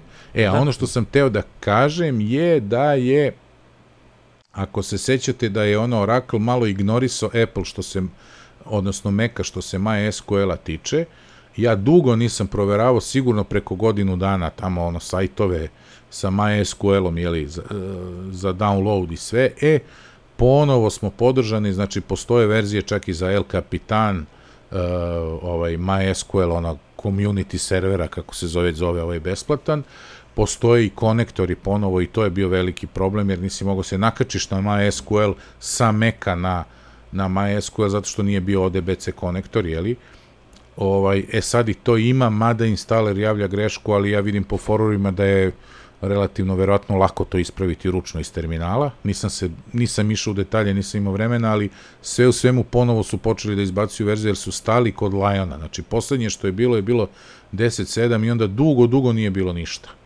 Znaš, a sad odjednom imaš za sve verzije između, kad su oni to izbacili i stavili na sajt, ja ne znam, ali ovaj, ponovo smo, jeli, u ljubavi sa Oraklom, što, se, što se toga tiče, ovaj, mi bazaši, znaš mi bazaši smo ponovo ovaj. E, sve u svemu, znači, One Password je uvodi taj subscription model, ali za, drža, za razliku od onih, kako su, ko je ono napravi ovaj text expander, je li problem, zadržava i staro ono i javno je rekao da će da update-uje i ovu aplikaciju. Tako da, što se mene i verovatno tebe tiča i ostalih ovih naših koji nas prate, samo je pitanje koliko košta aplikacija, koliko u zbiru košta aplikacija za iPad, iPhone, ja ne znam da li je unifikovana, mislim da jeste, da je ovaj ista licenca, jeli, i ovaj upgrade za Mac aplikaciju u zbiru, jeli. I na koliko se updateuje i onda da vidiš da li ti se isplati, koliko ono ispadne za jednog. Ja sam, ako sam kliknuo nešto oko 3 dolara, jeli, ili 3 evra, kako beše, 3 dolara mesečno, tako? 2,99, da. 2,99 je ovaj kako se zove, single user, što bi se reklo, ali za, za viš, više ovaj više korisnika. Jesi pomenuo, nisam, ja sam kopao po ovome, nisam čuo za ovaj 1 GB storage što daju. Nisam. nisam. Znači, sada daju, e, oni, e, što se kaže, znači, One Password može, sada, može da se sinhronizuje preko Dropboxa i ne znam da li su ikad uveli preko iClouda, pošto ja koristim Dropbox od početka, ovaj, znači, sinhronizuju se pasvordi među mašinama, među računarima, telefonima, tako dalje i tako dalje. E sad oni vam daju 1 GB na svom serveru, secure serveru i web pristup ovaj, jeli, tom, tim pasvordima, tako da ono teoretski ne morate više da vodite računa da bar na jednom mestu imate žive, jeli, sve i da backupujete, nego oni vode računa o tome, eto. To je ovaj, i čak kad imaju 365 dana historije, ako znači obrišeš nešto, oni će čuvati 365 dana pa može da, da zvrati. Znači, za jednu osobu, to je ono što nama treba, je 3 dolara mesečno, plaća se godišnje, znači 36 dolara godišnje, što mu dođe 30 evrića i to je otprilike manje više nek fair cena po meni, ono, ko, ko se opredeli za to. Dobijaš, naravno, dokle god plaćaš, dobijaš besplatnu verziju za sve uređaje, znači za sve operativne sisteme, da vas podsjetim, One Password postoji za Android i za Windows. Samo za to, za one koje bi interesovala ta opcija da ima, znači, mešano Mac, Windows, Android i tako te, onda je ovaj to možda znači, to, još ovo. Da, da, ono, ko, ko nije probao, treba da proba i zaljubit će se, znači, to toliko dobro radi. znači, Fenomenalno. Znači, ne pamtim broje, pinove za kartice, ne pamtim, samo unesem. Znači, znači količina sa touch ide, Da, pazi, da. meni količina pasvoda koji su ono sad ono kao totalno random karakteri ono drastično poraslo odnosno meni, na da, da, da. Ono, samo onaj generator njihov on odma snimi i, i cepaj. Znači, to, to je tako dobro da ovaj, ne, ne vodim računa više. Uh, onu tan karticu iz Erste banki imam u njemu. Znači, ne moram da nosim u novčaniku fizički tan karticu, što je opet sigurnosno bolje, jeli, ako mi neko mazne novčanik s karticama, a ja imam tan karticu, neko ko nije glup, jeli, a ovaj, može da provali, znaš. Videće, aha, kartice Erste banke, a ovo je od Erste banke, ček da vidim ja šta je to. Dobro, treba mu i login i sve ono, ali jeli, ovaj, ovo je mnogo, mnogo sigurnije. Eto, to vam preporučujemo softver i sve i drago mi je što su zadržali ovo, znači vode računa, svesni su da ovaj da su se ovi momci iz Smajla malo zaleteli i verovatno pogubili neke korisnike naš, sa, sa svojim mogućnostu, tako da su odmah najavili i vidim da su malo konzervativniji bili s cenom, znači vidiš ovo da imaš. E, drugo nešto daju, kaže šest, šest meseci free, šta kaže, za nove, valjda, ove koji se prijave. Da im džabe, da. znači nije... Na nije, vlakuše na sve strane. Na vlakuše, znači prva godina 18 dolara, eto, za one koji se... Eto, to je to. I ima family koji je 5 dolara mesečno može pet ljudi, znači svih pet ljudi na svim svojim uređajima mogu da instaliraju ovaj, kako se zove, one password i imaju sve ovo što ima ovo, plus imaju sharing, account recovery, permission control i tako dalje i tako dalje, tako da ovaj, kome možda to treba, nek izvolim, što se mene tiče, ja koristim moj jedan jedini i to je to. Ovaj, tako. BB Edit jel, čuveni e, moj BB software. Edit, super. E, Nešto na novi, o, novi ovaj demo mod. Da, e, tako su tiho to uveli da su ljudi ono, ono, Gruber i ovi kad su krenuli da twituju, kad su shvatili, su rekli čoveče super. Ja koristim BB Edit i to je firma koja postoji preko 20 kusur godina. Bare ja Bones. Bare Bones software i izbacili su znači upgrade na 11.6 BB Edita u u čijim takozvanim release notes stoji jedan podatak koji onako malo ljudi su prešli preko njega, ali ovaj stoji da možeš praktično da ga neograničeno koristiš u demo modu. Znači nije nije ovaj nema ono da ti sad kaže e sad ne, ne možeš da koristiš. Ne prestane da radi, ali neki feature uh, prestanu da funkcionišu. Prestanu da funkcionišu neki profesion. Pa sad vi vidite šta vam odgovara šta ne. Ono što mene tu zanima, ja to nisam, pošto ja koristim njihov ovaj text wrangler. E, šta će biti s njim? To je šta sad su razlike sad u odnosu na, na taj demo mod u odnosu na text wrangler, da li ima nešto? A, pitanje je da li će text wrangler nastaviti da razvijaju što je ono, da li će ga, jer oni su ranije, mi stari mekovci, jeli, ovaj, tamo 90-ih je postojao BB Edit i BB Edit Lite. I BB Edit Lite je imao subset jeli, funkcionalnosti BB edita pravog, znaš. Pogotovo kad se pojavi ono HTML, pa ovo ono, onda je tu bila ta razlika, znači nisi imao podršku. Što bi se reklo, BB Edit Lite je bio jedan odličan tekst editor, ali za programiranje ono nije baš, jeli, nije imao ništa, mislim, osim kucanja golog teksta, a ovaj BB Edit pravi je imao ono sve što ima i ovaj današnji, jeli. I onda su u nekom trenutku, to, to se otprilike događa sa prelaskom na OS X, počeli da prave ovaj text Wrangler kao kao jeli free varijantu da, da, da, da ljudi vide da se ono jeli upoznaju sa tim što oni rade i ovaj BB Edit jeli što bi se reklo da ne kažem pro nego nego full. I evo sad je to tako ne znam što su to rešili sad sa ovako 1.6 evo ali ovaj evo kaže BB Edit o, 11.6 uvodi novi demo model gde je complete feature set is available za 30 dana, a na kraju 30 dana BB Edit will remain permanently functional with the revised feature set that includes znači uključuje text editing, ali ne web authoring tool ili drugi exclusive features. Znači, BB Edit exclusive features may re, be re-enabled at any time with purchase. Znači, samo kupiš licencu i ne moraš da ga ništa skidaš, ponovo instaliraš i šta ja znam. E sad, ovaj, šta im, znači to exclusive features, ja verujem da onaj njegov čuveni search će da ostane u ovom, jer to ima i text Wrangler, ako dobro se sećam. Ono grep i ono ostalo, je li tako? Mm -hmm. Ima i text Wrangler i ovaj, tako, naravno, evo ovde, oni navode još šta je novo, ono, pošto BB Edit ima i onaj svoj command line tool, da ti ono iz komandne linije možeš da pozoveš BB Edit da edituješ nešto. Znači, fajl koji se vidi u, u trenutnom folderu u terminalu za koji imaš sudom si se recimo ubacio, imaš privilegije, inače ih ne bi imao iz Findera da priđeš tom fajlu, ti možeš sa određenim jeli, command line-om da, da, ovaj, da otvoriš u BB editu i da edituješ. Eto, to je ovaj... Tako, ko nije znao, oni imaju i taj set of command line toolsa za, za BB editor. Da, da, to je jedan, jedan moćan, moćan editor. Ja sam njega kupio, posle dugo godina sam ga kupio, ne znam u kojoj verziji, mislim da li je 8 ili 9 bila i uredno plaćam upgrade jer vredi svaku paru.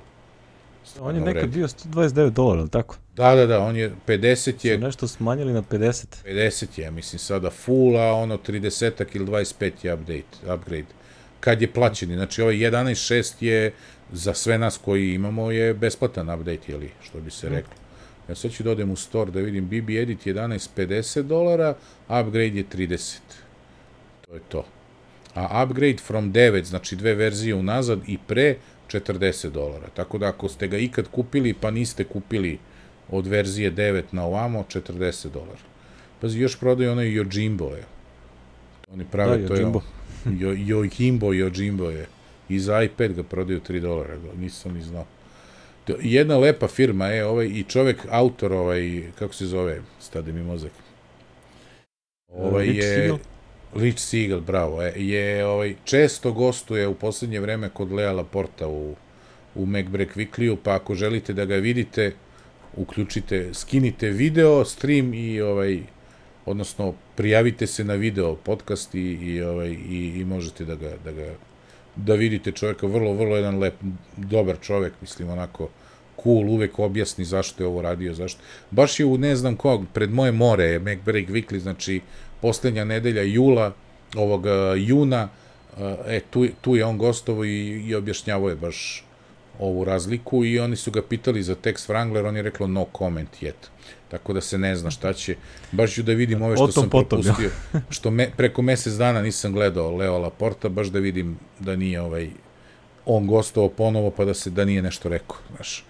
Jer ovaj tekst Wrangler je isto moćan, naš besplatan, a moćan, vrlo je ono vrlo je što bi se reklo dobar tekst editor.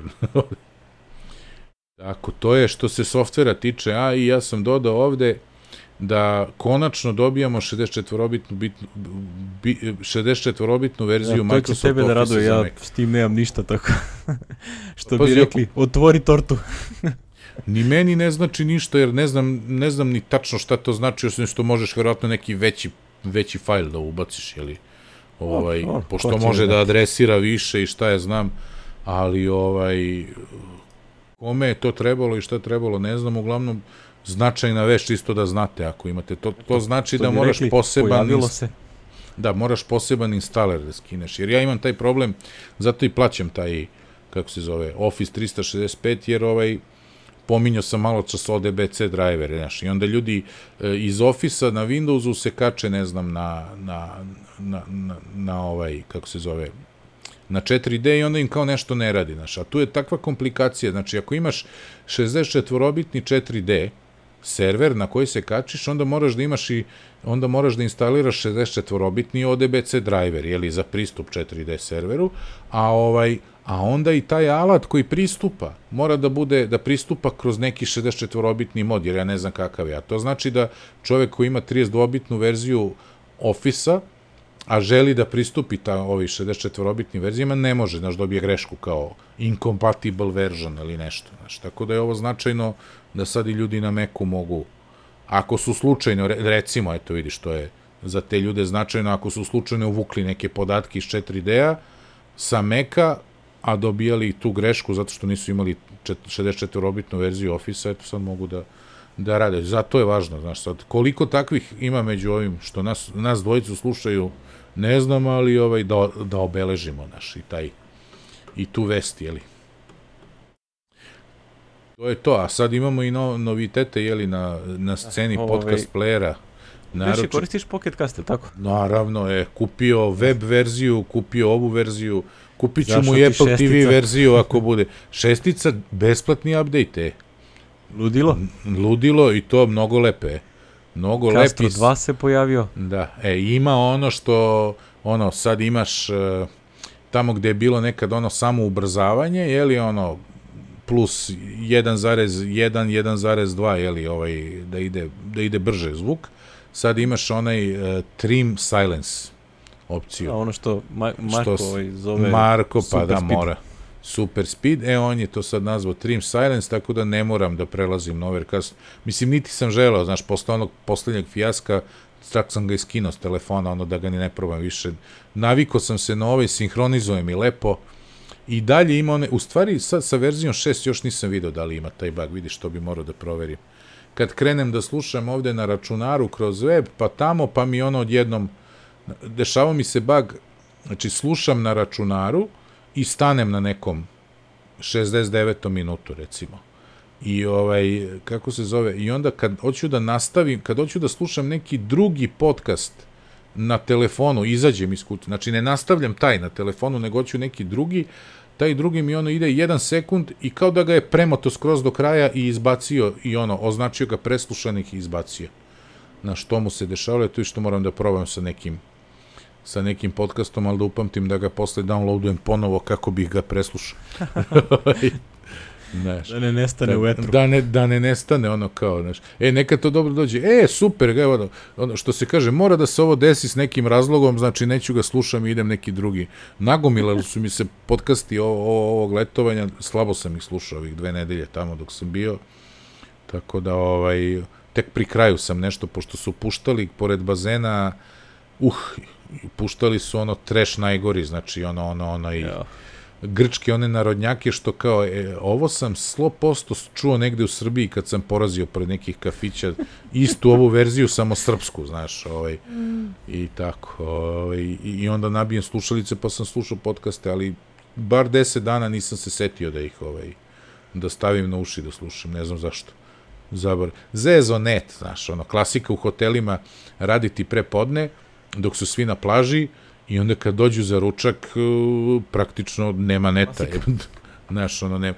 E, i onda imam tu, ajde, kad već to pominjem, ko ide u Grčku sada, neka traži, neka ide u Vodafone i neka traži e, imali su akciju. E, Vlada i ja smo otišli prvi dan, jeli, kad smo stigli, to je sreda, ne znam koji, 21. recimo, mu pada jul, ovaj, otišli smo u Katerini, to je gradić malo veći, i ima tu Vodafone, ima sve ono redom i on je teo da uzme dve kartice, znaš da on, on baš mora zbog posla da bude, pošto jeli signali, signali mobilnih operatera u Grčkoj drastično variraju, znaš, i onda da ima od dva provajdera, dva neta i miranje, znaš. E, i pošto je bila gužva onom Germanosu što ti je pandan tehnomanije, jeli, ili tako nečega, mi smo otišli za ćošku Vodafone i dobili smo za 10 evra 4 giga ovaj net, data karticu Vodafonovu, s tim što tamo piše, e, ovo vam je 2 u 1, znači nemaš nano. Znaš, i Miki je srećom poneo onaj svoj krntoid Lenovo, ovaj, i ubacio u pravi slot, jeli, ubacio karticu tako da sam imao 3G i bio je hotspot za ovaj za klince u sobi i šta ja znam svuda, kad god je trebalo, znaš, pa smo to istrošili za nekih desetak dana i onda rekao, ajde da uzmem još jednu i onda sam se vratio u istu Vodafone i isto to su mi prodali sad za 15 evra, s tim što sam dobio dve kartice, jednu tu sa 4 giga data, a drugu sa 5 evra kredita zašto ja hoću da aktiviram, znaš. A kvarni su tu karticu što su mi dali, recimo instaliraš My Vodafone aplikaciju na telefon i sad iz nje vidiš troškovi, vidiš ono koliko si potrošio, šta ja znam, i možeš iz nje bilo kojom karticom da, da dopuniš 5, 10 i 20 evra, na primer, pa onda da to iskoristiš da kupiš neki paket. I onda paket, recimo, 500 megabajta je 5,04 evra. Znaš, ona fora kvarna. Tako da onda ako uplatiš 20 evra, ne možeš 2 giga, nego ćeš, razumeš, 1,5 giga i ostaće ti 4 evra 80, jevi ga na konji kvarno. I onda je rekao, slušaj bre, ne pada mi na pamet, jeftinije mi je da da dam ponovo 10 evra.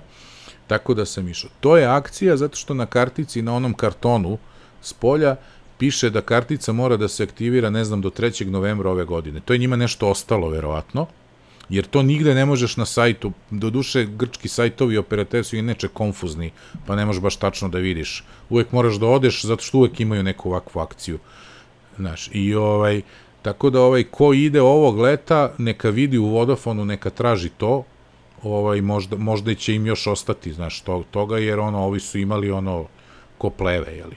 Ono, ja sam, kažem ti, kupio dve, ova jedna mi je ostala sa 5 evra, ne za šta da radim, znači, ali čovek je odmah aktivirao, znaš, u sistemu je odmah aktivirao, tako da nema ono, znaš, on je nju skino sa stanja i miranje, zato je, zato i tako, jer drugačije paketi nisu tako jeftini, ko se seća one naše epizode od prošle godine, vlada je uzeo opet Kosmote, karticu, novu i recimo da bi sve zajedno ga je koštalo, mislim, 40 evra da bi imao, lupam, 10 giga na njoj.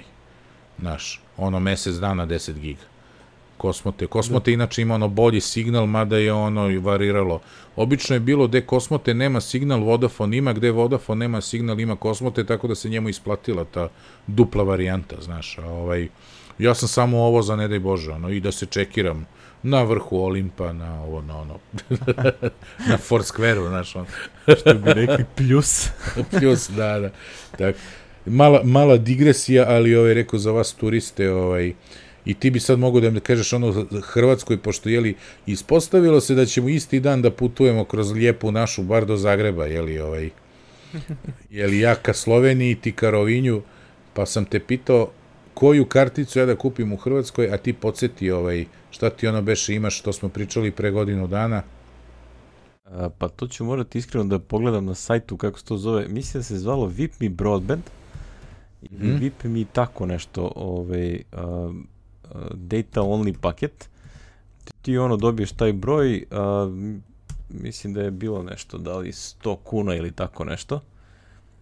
I uh, dobiješ, uh, imaš znači, 1 giga pet, dnevno. 15 evra da prevedemo ono na, na u dinare. I, imaš nekih, uh, uh, kako beše sad, mislim da imaš, da, uh, ako kup, kupiš to za 100 kuna, dobiješ praktično 120, jer imaš uh, 12 dana ili 10 dana, tako, sad sam već pogubio, praktično uh, 10 uh, ili 12 kuna dnevno ti je 1 gigabajt.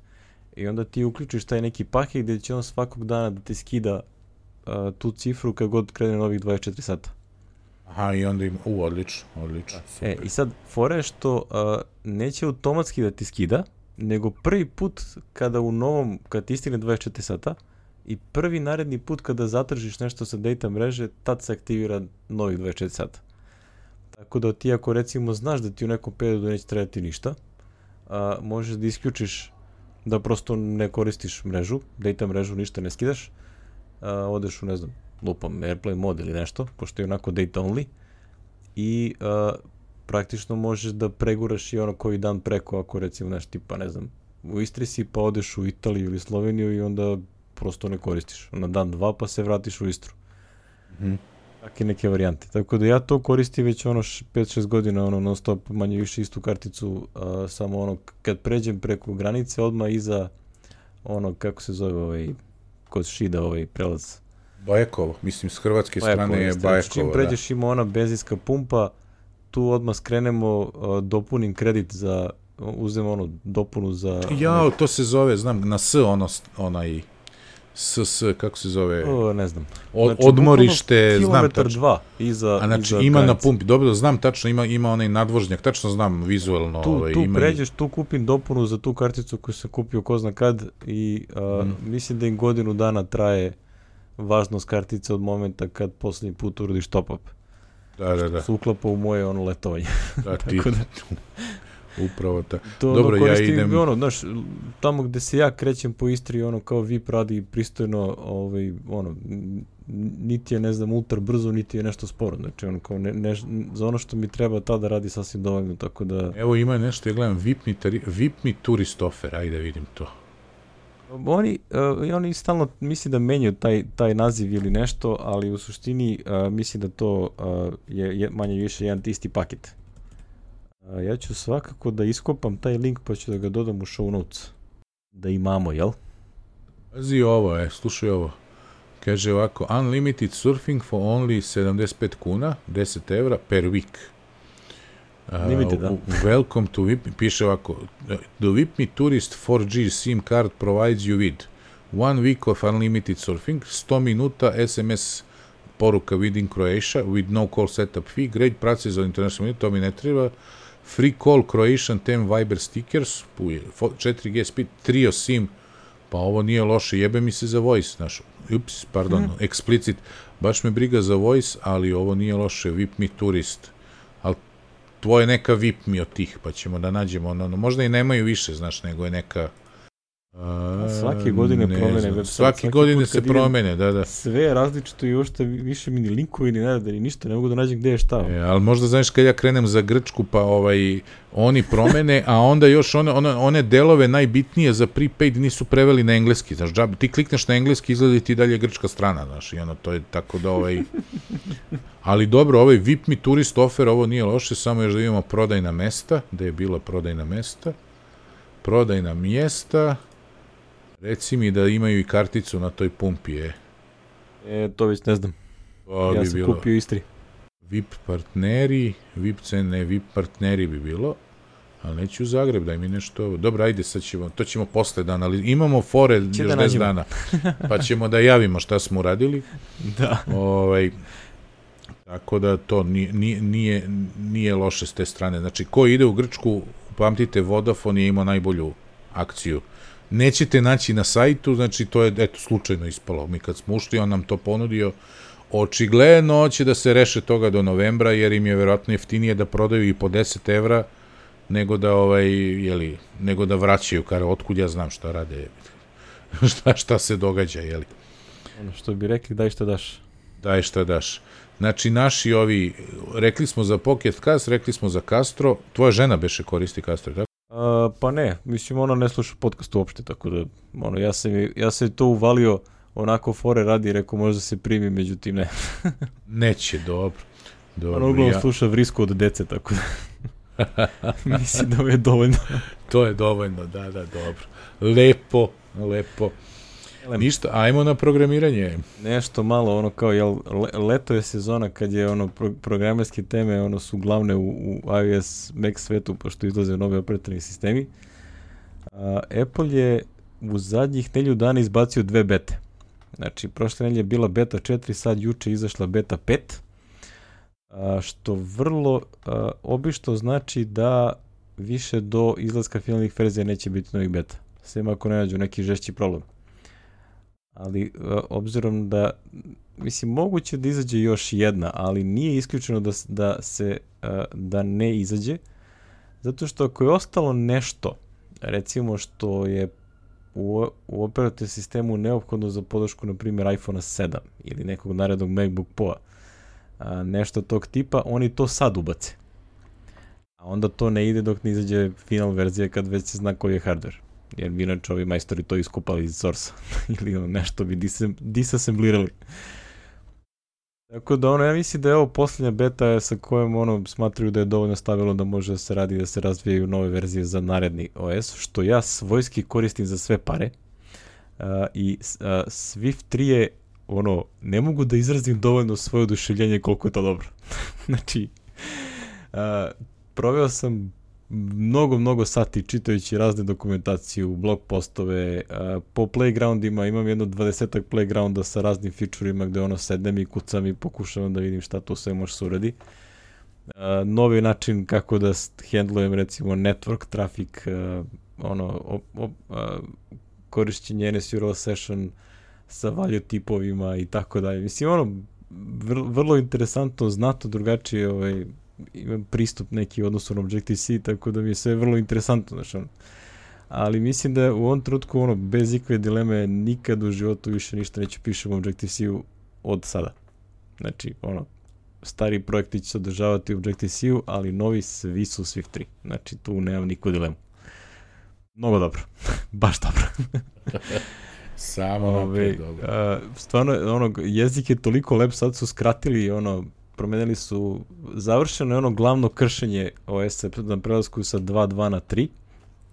Uh, Ted Kremenek, koji je valjda neki tamo director of developer tools ili tako nešto, je rekao da će uh, naredni Xcode, ako treba, kompilirati i, i Swift 3 i budući Swift 4. što je. će reći da, iako nemaju application binary stable, ono, a, moći ćeš, nećeš morati da praktično prepišeš kod u Swift 4 da bi mogao da ga kompiliraš, što sada jeste slučaj. Znači, ono, ako otvoriš u Xcode nešto što je a, pisano u bilo kom Swiftu koji nije 3, ono, ono, šuma grešaka se pojavi i ono moraš da migriraš kod. Na, nadalje to neće se dešavati. Znači, ono, moći da kompilira jedno i drugo, što je sjajno. A, vidjet ćemo kad će da izađe taj binary, a, application binary interfejs ona i stabilnost, ali o tom potom. Znači, u suštini, za ono kako meni treba, gde ja imam sad svoj source kod koji koristim, to mi nije problem, tako da ja mogu da, da pretabao nadalje, a benefiti koje dobiješ su stvarno izuzetni. Ja, ja ne, ono, znači, ono, prosto, gledam znači ono nešto to sam pisao neki kod Objective-C i sad ono gledam kao koliko bi me koštalo da ga prepišem u Swift. Da, li mi se isplati da to radim, pošto je stvarno ono fenomenalno gledaš kako to sve funkcioniš. Uh, ti si ovde stavio neki link za za Continuous, šta je to? Continuous je ide za C Sharp i F Sharp, verovo ili ne, e, koji je na... Ono, iPad? Za iPad mislim da košta 10 ili 15 dolara i, o, i, i potpuno je neverovatno, linkovao sam na Mac Stories Ovaj Federico je naravno opisao jedan lep tekst. Ovaj uh, jo, da, sad, autor Continuusa je Frank Kruger, pravi program Kalča, Kalča, kako se čita Kalča? Kalka, šta mu to dođe, ne znam.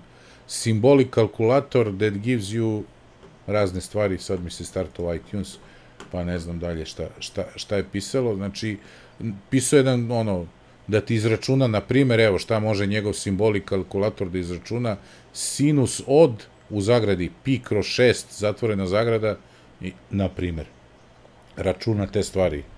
Tako da ono malo ono ono liči mi na solver. A prema ovome zvuči, zvuči. Zvuči na solver, je li? I ovaj kako se zove free sa nekim in-app purchase ali je on napravio kažem i ovaj Continuous i Frederico je oduševljen, jeli, pošto on to voli, zato što je potpuni ono .NET ide i ima, što se kaže, C Sharp 6 i F Sharp 4 language support, ja ne pratim dok kako se razvijali ti jezici, ja ali eto, šta je tu onaj ko, ko zna, eto, može, možete, znači, na iPadu da programirate C Sharp i F Sharp i sad dolazi još Swift Playground, i ovaj i ono polako ćemo mi ovaj e 10 dolara je cena. Mislim A? ja bi to kupio da i ole imam veze sa C Sharpom i to ne bi razmišljao, ali ovako da dam 10 dolara da Nisi vidim u tom samo, fazonu, nisam u tom fazonu. Vitići je onaj prvo krenuo sa onim Pythonistom, pa ovim workflowom I tako i on, on, on jedva čeka ovako nešto i ovaj, on je objavio, jeli, ovo što meni je rekli, to zapalo za meni, oko. Meni treba pa se radujem. da, i ovaj, što bi se reklo, znaš, kao trend je ono, sve više i više će toga biti i mi, mi lako može se desiti da za koju godinu, jeli, ono, ti radiš na iPadu, na primjer, znaš, ne bi me začudilo, znaš, da, da, ovaj... A, pa sve je moguće, znači, ono, ovo dosta fino napreduje, jel? Ja. Znaš, pazi, ono, sprave su ove, ne, kad sam već pominjao more, recimo, ovaj moj iPad Pro, jer ovo je prvo leto koji provodim sa njim, R2 je bio neviđen napredak u odnosu na onaj iPad 2 što se tiče čitanja knjiga na plaži, jeli, ispod suncobrana.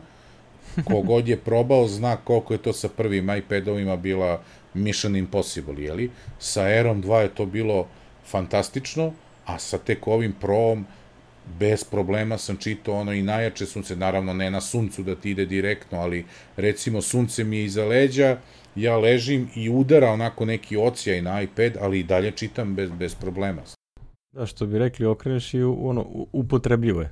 Da, upotrebljivo. Hoću da kažem, ranije je bilo neupotrebljivo, znači morao si baš onako da se naprežeš i da juriš debelu senku da bi da bi čitao, ali od ono što se kaže za mene od era 2 i pogotovo s ovim pro ovo je prva godina da nisam nosio ni jednu knjigu u, u što se kaže u u papirnom obliku, nego da sam pročitao jedno četiri knjige na, na, na iPadu isključivo. Ove trilere, ovo, ono, našao sam neki sad. Jedino bi ja na što bi volao sad da, da uskoro uradimo tu epizodu, jer stvarno me nervira ova naša domaća situacija i koliko kaskamo, znaš, ono, ja ne znam, ne znam šta da uradimo da, da, da legalno možeš da dođeš do, do knjiga, a da nisu preskupe. Recimo da radim isto što radim i sa CD-ima, znači domaću muziku ja kupim CD i ne otvorim ga jer sam već skinuo to isto sa neta, neko je već nagrebovo i poslo, ili ga ako još nije, otvorim ovaj, kako se zove, celofan, nagrebujem na ovom jednom jedinom DVD-u što imam i, i ubacim u iTunes, iTunes, a CD ubacim u kutiju ovde, jednu plastičnu i više ga nikad ne uzmem u ruke. Znaš, to radim da bi kao eto platio ljudima muziku. Ne znam sa sa knjigama da reme, daj ovom gazdi Lagune ili nekom naplati ovu knjigu recimo koja je sada 600 dinara, ima i cenu 800 dinara, ali da mi daš neki kod. Razumeš i da imam PDF. Na primjer, na kome će da piše čak generiši PDF za mene neko ovo radnje. Znaš, izvodljivo je za relativno male pare i ja imam i fizičku knjigu i pravo da čitam u digitalnom obliku. Mislim, znaš, i sad da li ću posle da kopiram ako piše, znaš kako meni Apple šalje ove, ja to kupim u elektronskom obliku ove knjige za ove ispite i ovo Piše na mhm. svakom, na svakoj strani dole piše From the Library of Milan Adamov. Tako da ja ako dam ja, nekom, to. to se vidi, znaš. E sad ja mogu to da dam nekom od poverenja, znaš, ali aj ti to daj nekom od poverenja, kupio si knjigu u Laguni i nisi vičan računarima, ne znam, shvataš, to će se raširi i sledeći put kad budeš teo to da uradiš, kažu, sorry, ne može, doviđenja, znaš. I to će vremenom tako, jer meni je zezanje, znaš, da, da nosim knjige, da, da, Da ovako je možda naš još štampo si pa si zaradio na tome, ovo ne znam, lupam kao ideju, eto, ovaj, volio bih neko ko se bavi time, a sluša nas da nam javi, ali ovaj, imamo mi u planu jednu epizodu, znaš, sa onom mojom drugaricom iz osnovne škole, pa... O, o e-booksovima. O e-booksovima, pa na to mi je ono palo na pamet, jeli, ovaj, baš dok sam bio na moru, rekao da, jel sam skidao sa nekih sajtova, razumeš, i tu je bilo knjiga koje nisam nikad kupio, jeli. Shvataš? A i, znaš, kome ja sad to da platim? Ja sam skinuo to s nekog levog tamo foruma, to je skenirano, ne znam čije izdanje, znaš. Ja to ne mogu, i da hoću, ne mogu da platim. Da, e, razumeš, znaš, a voleo bi, voleo bi, znači, znaš, sve ove knjige što imam sad u papirnom obliku da doplatim po 100-200 dinara i da ih imam i u, u digitalnom, znaš, zašto da ne? Mislim, to mi je ono, Ali dobro, valjda će se neko setiti jednog trenutka. Ovaj, jer... U nekom momentu. U nekom momentu, da. Eto, to je ovaj, što se programiranja... Ti... E da, nismo još rekli da je Apple izbacio ovaj... To se desilo, bre, još tamo početkom jula. pa da, Mislim, baš onaj dan rade. Znači, sad da je ovo... tekstovno da pretražiš kompletne transkripte svih predavanja. Svih predavanja, da, što je fantastično. Znači, ono, ja, jako mm. lepo kad tražiš, ono, negde su nešto rekli, gde to beše, onda odeš, nađeš pogledaš predavanje, Ovaj, jedna od stvari novina koje su najavljene na VDC-u je da se znatno menja način rada u iTunes Connectu sa a, a, tokom submission procesa a, i od juče je ono svi, svi su dobili email od Apple-a kao sad je dovoljno da pošaljete jedan set screenshotova za sve device-ove per language. Znači, više ne mora da šalješ za iPad, za iPhone, iPhone 4, iPhone 5, iPhone 6, 6 Plus. ono, jedan set je dovoljan i ono kao nadalje, ono, ako hoćeš možeš da praviš i ekstra, ali u suštini ono, ekstra se posao sebi ako smatraš da ti to nešto znači, ali generalno ono kao Apple to više ne zahteva, što je veliki spas ako imaš ono, a, da kažem, kako se zove, ako imaš mnogo jezika, podržavaš ono, daš, universal devices, sad imaš ono, iPade i iPad Pro, pa znaš ono, kad je ako dodaju još neku rezoluciju, tek se onda bi bio u sosu, znaš. Tako da, jako lepo od strane Apple, ovaj, jel? Hvala lepo što nas ne smarate više sa svim ovim. što bi se reklo, sviđa nam se u kom pravcu idete. Kao, I like your thinking. da, da, da, da, da. da. E, da. to je to, jedna pod tema vezana za ovaj, a, ono, za programiranje. Mislim, ono, ja se, onako, zanimam se za tu temu, mada se ne, ono, prevelika tema da bih mogao ozbiljno kažem da tu nešto mnogo znam ali to je security aplikacije i generalno iOS security. I uh, Ivan Krstić, uh, koji je, sad ću da, se, da otvorim da se ne zaznem, jel? Uh, on je uh, Head of Security Engineering and Architecture u Apple. Jel, na Black Hat 2016 ovaj, ono, jel, konferenciji za hakere i takve uh, i za security researchere održao predavanje koje onako deluje, meni kao laički deluje vrlo in-depth. Ove, behind the scenes of iOS security. Znači, ono, šta oni tu rade, kako rade ono WebKit, eh, pa onda ne znam, ove securing klava, pa kako radi iOS, razlike između iOS 9 i 10, šta su menjali, načine ono zaštite procesa, user podataka, koje čega. Znači ima baš onako vrlo, vrlo gusto ono pakovane informacije A, tako da jedan, još uvijek nema video sa tog predavanja, mene zanima da to pogledam. A, obično Black Hat dosta kasni, oni sačeki u nekom meseci pre nego što objave video snimke, ali PDF je dostupan. Ono, izgleda isto koji bilo koji PDF sa, sa ovog VVDC, ono, isti, isti stil i dizajn koji Apple koristi za svoje prezentacije.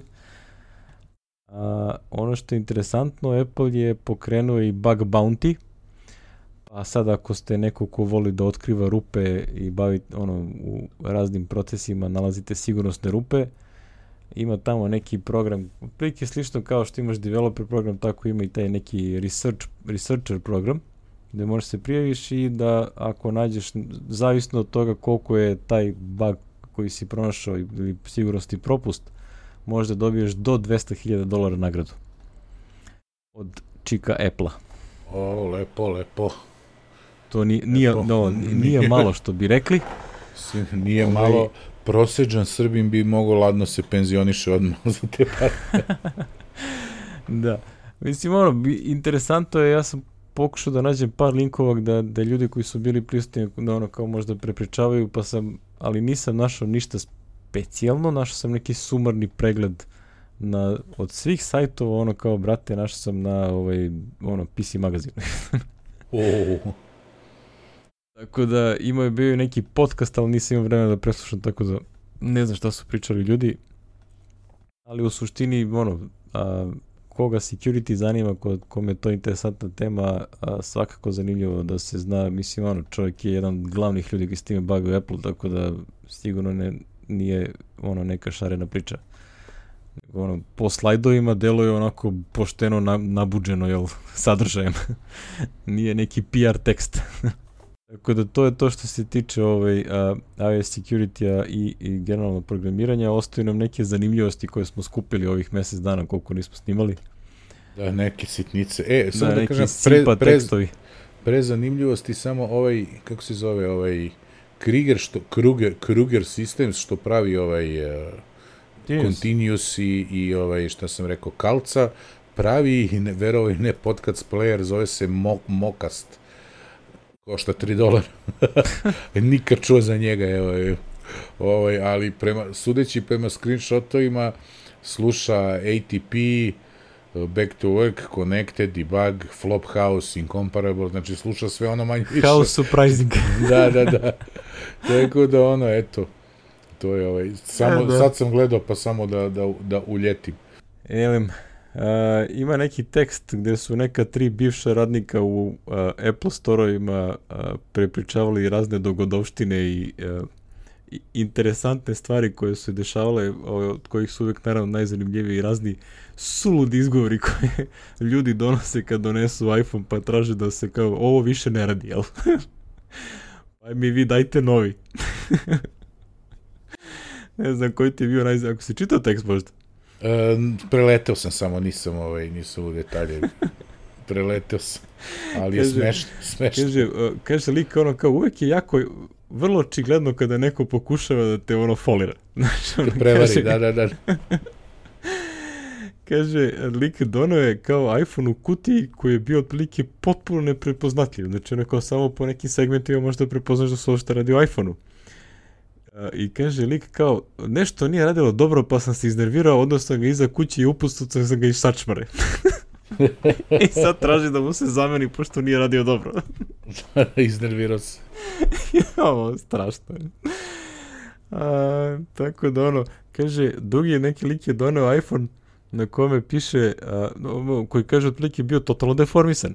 I, ovaj, i kaže, kao, pa kao nešto nije radilo dobro, odjednom je postao jako topao, zagreo se, počeo da, ovaj, a, da, da, mu, on, da mu peče ruku, onda ga je on bacio ovaj, na, na sto i onda je on eksplodirao u plamenu.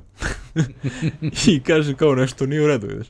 I kaže, dobro, kao da pregledam, odne on iza tamo neku sobu, iza otvori ga i kaže, oči, ono, vidi se iznutra da je otprilike bio uh, potopljen. Uh, da, da, ono, ima onaj senzor za, za, za, za bilo, kakav, uh, bilo kakvu tečnost I onda ono kao deluje, očigledno je bilo da je ovaj, moj upao u vodu i da je on otprilike ono pametno smislio da ga ubaci u mikrotalasnu da se osuši. I onda pošto metala ovo se sam izuvijeo. Ali sjajno. Znači ono, potpuno sjajno.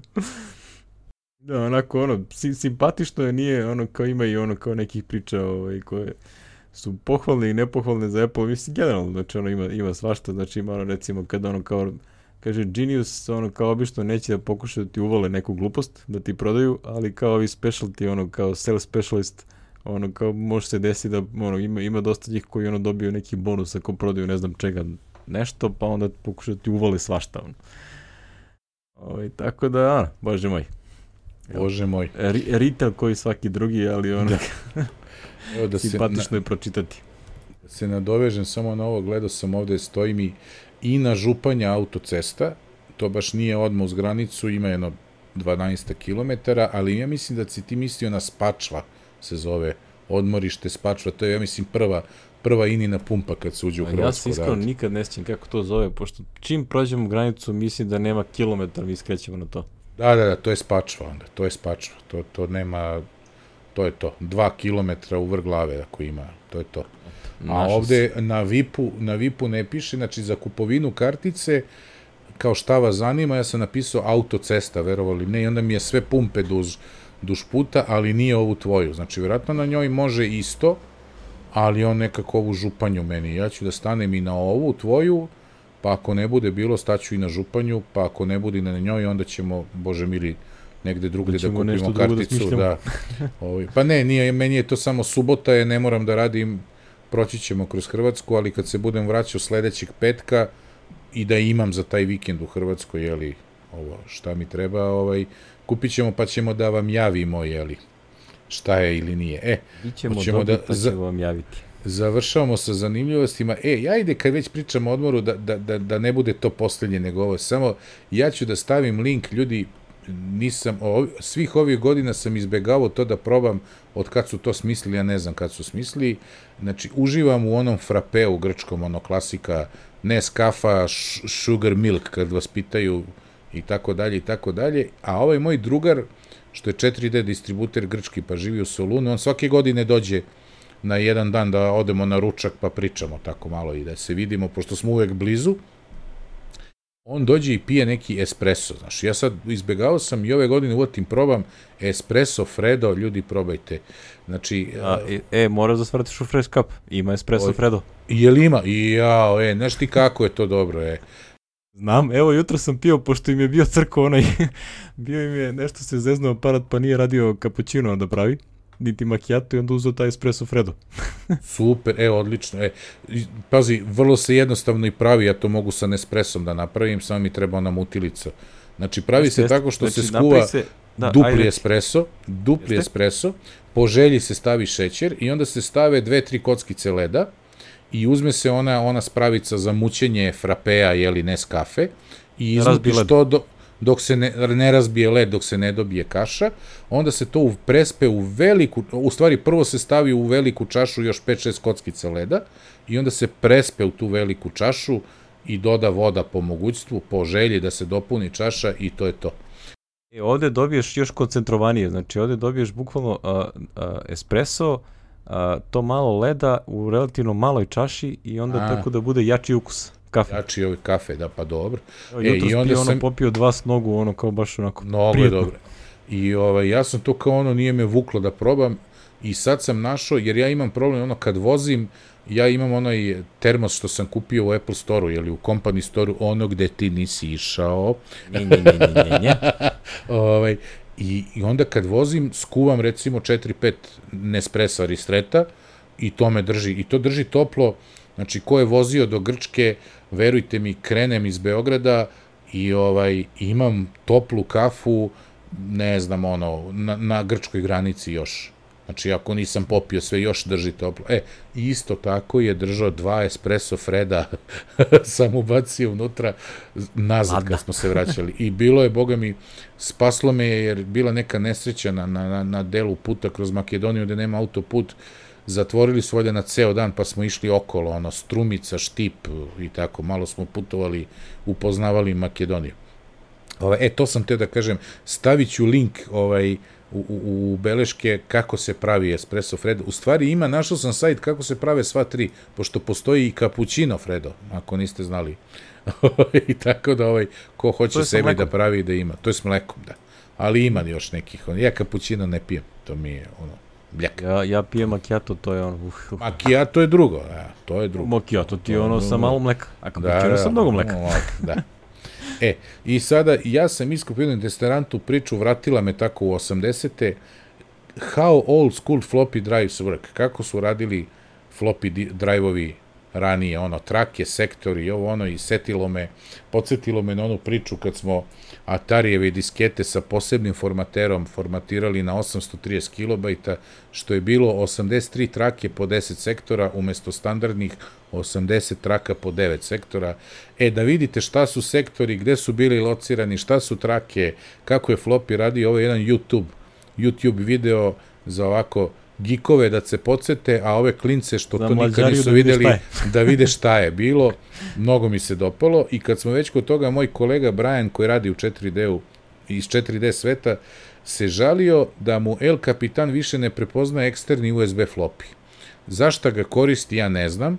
Ja imam neki ovde i onda sam ja krenuo da kopam po jeli, po Google i shvatio sam da u zavisnosti od proizvođača eksternog floppy diska se takva stvar počela de, da, da se dešava još od Mountain Liona. Znači, Apple je sigurno neke drajvere počeo da izbacuje još od Mountain Liona, ali izgleda definitivno sa El Capitanom eksterni floppy više ne može da se nakači. I rešenje je naravno virtualna mašina i Snow Leopard u njoj i ovo ako baš mora na meka da se čita ovaj floppy drive, jer a, e, sad, to je istorijska stvar isto, ne znam da li su pokrili ovom videu, zaboravio sam, uh, prvi Apple-ovi floppy, odnosno Apple-ovi floppy, oni od 1.44 i oni ranije od, od 800 i 400 je on imao, znači ovaj, nije imao 720, su različitom brzinom, u zavisnosti gde je glava čitala bliže centru ili dalje centru, različitom brzinom vrteli, imao je pet brzina kojim je vrteo disk unutra, po tome su bili specifični. Zato ćete redko naći ono alat tih, redko se i nalazio alat tih 80 koji je na PC-u mogao da čita kad je PC konačno dobio 3,5 inčne diskove, jeli, kao standard, mogao da čita stare Mekove diskete, znaš. To je jedan ovaj kuriozitet, jeli, kad smo se već setili historije, evo da, da kažem. Elem, to je to. Kome treba eksterni USB floppy drive, sam kaže, imam ja jedan, pozajmiću ga, kome treba da mi vrati tu je negde u kutiji, nisam ga dugo vadio, ali poslednji put je radio. Ali kao, kome treba da, kao, kome to treba danas? A nemam, pa meni je trebalo neke stare diskete, nešto da vidim šta je ne bilo na njima, pa... Ma ne, i neko mi je dao, ne, jao, za, zašto sam ja kupio USB floppy, dao mi je klijent, mislim klijent, održavao sam ono računare po kućama, što bi se reklo isto, i ovaj i tačno sad znam i ko, ovaj, al neću reći ime i ovaj i on mi je dao nekih 10 diskete kao ja molim te ako možeš ovo nekako da mi imao je ne znam kakve fajlove tu da da iz fotke neke da da, da, mi skineš, kaže, ne znam gde ću, znaš, ono, Mac formatirano, PC-jaši ne znaju, i ja ono rekao, i onako mi treba, i čak sam dobio na poklon ovaj USB floppy drive, kupovao sam od nekih PC-jaša, neke monitore, nešto ovo, ono, oni su znali da se Macovac, kao, e, evo, ja naručio to i kaže, ovo ti je gratis. Već je bilo teško da se nađe, boga mi, USB flop, kad sam ja to kupio, a to me ima već sigurno 7 godina, recimo. Ovaj, tako da, ako nekom treba, pišite Bove, Net Infinitum, RS, molio bih da mi se pozajmi USB floppy, vrlo rado, bar da ga još neko iskoristi. E, to je od mojih zanimljivosti, a ti ovaj, jel ti žao što se nisi setio ove aplikacije? A da li si normalno? Čekaj, jesi imao kera? Ja to, jesi... Prvo što se ja to ne bi nikad setio, znači to je toliko nis, glupo. Nis, nisi imao kera u životu ili... Nisam. Da, pa da. Nisam imao sam ali u dvorištu kod e, babe. Govorimo, čovek u Americi je napravio ne aplikaciju, on je napravio servis. Znači, bre, uslužni servis. Uslužni servis, imate kucu i nemate vremena, mrzi vas ili vam je gadno ili već šta da pokupite kucinu kaku kad se oni skaki ovaj, kako se zove, negde gde je, jeli, gde, gde, gde, gde neko može to da ugazi. Ovaj, jer ja sam vrlo zahvalan kad čuvam Budu, Buda je tako pametna kuca, ovaj, mi gore po Hyde Parku i on se zavuče u najveće grmlje, i obavi to, tako da ja i da hoću ne mogu da izvučem to, razumeš? A tamo nema šanse tu iko da ugazi, znaš? I tako da sam samo prvih dva dana nosio ono kesu, znaš, kesu, metlicu i one, kako se zove, i kad sam ukapirao da on stalno to tako radi, u, reko, budo, majstore, dobit ćeš ekstra 100 grama hrane, pošto mi sale zabrani, ono, 150 grama dnevno, nemoj više, ja kao, daću ti još jednu šaku, ajde. I, ovaj, tako da ono, ovo je servis za Amere koji ovaj, to mrzi, skineš, plaćaš ne znam koliko mesečno, on ima tamo neke planove, ima unlimited plan, znači vrišto sam od smeka kad GPS gleda. lokaciju ono gde si. I sa si aplikaciju s telefona, ono, kažeš, e, ovde je i ti odeš sa kucom, oni dođu pokupe. Tako da, Čist, super je fora, rekao, ovaj, ono, pitao sam se da li Alek... Budućnost mi... planete u uslužnim delatnostima. Da, da, da, ovo je baš velika delatnost uslužna. Show. Što bi rekli, e, uvek ima neko ko će to da radi. Ima, ima. I poslednja vest, nije Newsnet ljudi, stvarno. Ja kad sam pročitao nekoga za za krađu za, za krađu patenata je vrišto sam od smeka. Tuzio je Huawei-a je, ovaj za krađu patenata, ja sam vrišto, rekao ne mogu da verujem da oni nekog Ima i veći kineza od Koreaca. Ima i već, e pa, ali to je neminovno, e, znači, to su sad ljudi, Huawei sada uzima tržište Samsungova, znaš. Da. Jer Samsung je popunjavao onu rupu, je, onu rupu kao, e, ne, skupljam ne iPhone, treba nam dobar kao smartphone, Android, ili ne volimo Apple, ili ne znam šta, a sad im, kao jeftiniji smo, a sad im ovi ulaze od ozdo i približavaju da, im ovaj, se. Da, onaj Xiaomi, kako se zovu, da, znači da. oni, isto će da njim, oni će na njih da pikiraju, ne na Apple. ne na Apple, pa naravno, to je, to je to, ali mi je bila smešna ova, smešna vest, tako da smo morali i to da ubacimo, jeli. Eto, to je to što se mene tiče, ne znam da li ti imaš još neka uh, Pa nema, ono kao dosta, dosta smo stvari pokrili, ono kao uh, protrčali smo, jel? A, baterija Ti izdržala. Sam mora, ali ići ćemo opet. E, baterija, da pohvalim ovaj MacBook, znači, a, koliko god ovo bio slabiji procesor ili ne, očigledno da te instrukcije koje su oni ubacili u njega su a, znatno bolje, jer ovo mnogo manje potroši resursa nego onaj prethodni a, MacBook Pro koji sam imao iz 2011. Znači, on nema šanse da preživi recimo ovo dva i kusur sati što snimamo, nema šanse da preživi ove, ako, ne, ako ne uključimo struju. Znači, potroši se baterija očas posla. A ovo, evo, bio je 100% kad smo krenuli, sad je 43% sve vreme snima dva, dva audio snima, ono snima to što smo pričali. Dva fajla što smo mi nešto dva kombinovali. Snima, da. Znači, jedan je MP3 koji praktično kodira, a drugi je uh, ono uncompressed AIF. Koji snima direktno. da, tako, i ono, znaš, radi FaceTime, znači radi Wi-Fi sve vreme, ekran je uključen sve vreme, ne znam ni koliko Dobro, je aktivan, lepo. recimo na neki Lepo, trećinu. lepo. Znači, i ostalo mi je, on kaže, još dva sata mogu da snimam. Počeli smo na 4.05, sad je 1.55. Znači, aps, totalno sam impresioniran ovom malom mašinom. Znači, ovaj MacBook je stvarno, ono, kažeš ti, jedva čekam da izađu MacBook Pro-ovi. Ako Ja, su nešto ja, ovako jedva, fazonu, to će jedva. da budu zveri. je, je, pazi, ako bude nešto ovako, ubedit će me da i pre vremena ovaj, penzionišem ovu, o, ovaj Evo, laptop. ovaj, baš ajde kad spominjemo ovaj Gurmanov tekst danas, to je izašao na Bloombergu, ima ga na Mac Rumors, a, specifično spominje da a, a, će AMD grafika koju oni ubacuju na taj neki kao jači model biti mo, ono dovoljno dobro da tera ovaj one virtual reality headsete. Znaš ono što je sta, bila priča da ono kao nema Maca koji ima dovoljno neku grafiku, što realno jeste slučaj. A, jer ono kao oni traže ove specifične Nvidia kartice koje imaju neke sumanute one a, ono processing delove ba, baš namenjene za to što njima treba, a ovo što prodaje Apple to nema. Zato što su realno tri godine stare mašine. Mislim, ono, uključujući i Mac Pro koji, ono, tad je bio ono kao super i od tad ga nisu pipnuli. Tako da, ono, po svojoj prilici će naredna generacija MacBook Pro da bude ono kvantni skok, ono, znači jedva čekam. Znači, ono, da, da vidim šta će to da izađe, da protrči kroz Anantec, da oni to pro, šta tu ima i onda da kupujemo. Ali ono, kao što bi rekli, su, suša se, stu, deluje da je suša pri kraju. ne znam za tebe, ali ja ono stvarno mislim, ono blam živi, ono. ono, kao svi me za... Došao sam ja u fazu da otprilike poz... gledam one, onaj Tony M- X86, onaj sajt za kako se pravi Hackintosh. Hackintosh, da, da, da. Znaš, ono, Jest. ovaj Mac mini što imam realno kao stvarno je preslab više, ono kao stavio sam i El Capitana na njega i ono kao muči se za sve pare. A da. Ne znam, biće nešto, ovaj, moraju nešto, biće nešto, nismo se dotakli, ali ajde, možemo mi, s obzirom da idemo na, na odmore, možemo mi za nedelju dana ponovo da snimamo nešto sa nekim predviđanjima, željama, ajde, vidjet ćemo nešto, pa da objavimo ako, za dve ako nedelje. stignemo, Da, ako stignemo ja pa da sam u objavimo. fazonu, Da, da, da. Ono, k- klijent i posao idem na more, a istovremeno završavam stan i ono, pokušavam da orbitiram sa četiri majstora u kući. I možemo mi subota 27. da se nađemo negde u, u Rovinju pre podne pa da snimimo zajedno. u, Uživo. na moru, da, da, da. Ništa onda da spakujem jetija kad Da. krenemo. Pa ja, vidi. E, ja nosio Yetija u Grčku, ali ne, nije bilo šanse, ono, nisam mogao nigde, ni, ni znaš, n- n- Zato i mislim da taj bio tvoj loš, plan optimističan što se tiče Da. toga tamo negde. Dobro, pa ne, zezam se, ne, ali ne bi bilo loše, pošto, ovaj, znaš, ko još, ti ideš u Rovinj, a znaš ko još ima kuću u Rovinju, ona je jedan, jedan od potencijalnih gostiju što smo teli da dovodimo za ono. Da, ono što sad- nikad se ni- nisu, nije se ostvarilo. E, viš, mogli bi da ga zovnem da mu kažem, pa ako bude da se bar upoznamo sva trojica, znaš, na, na, na jednom espresu Fredo u Hrvatskom.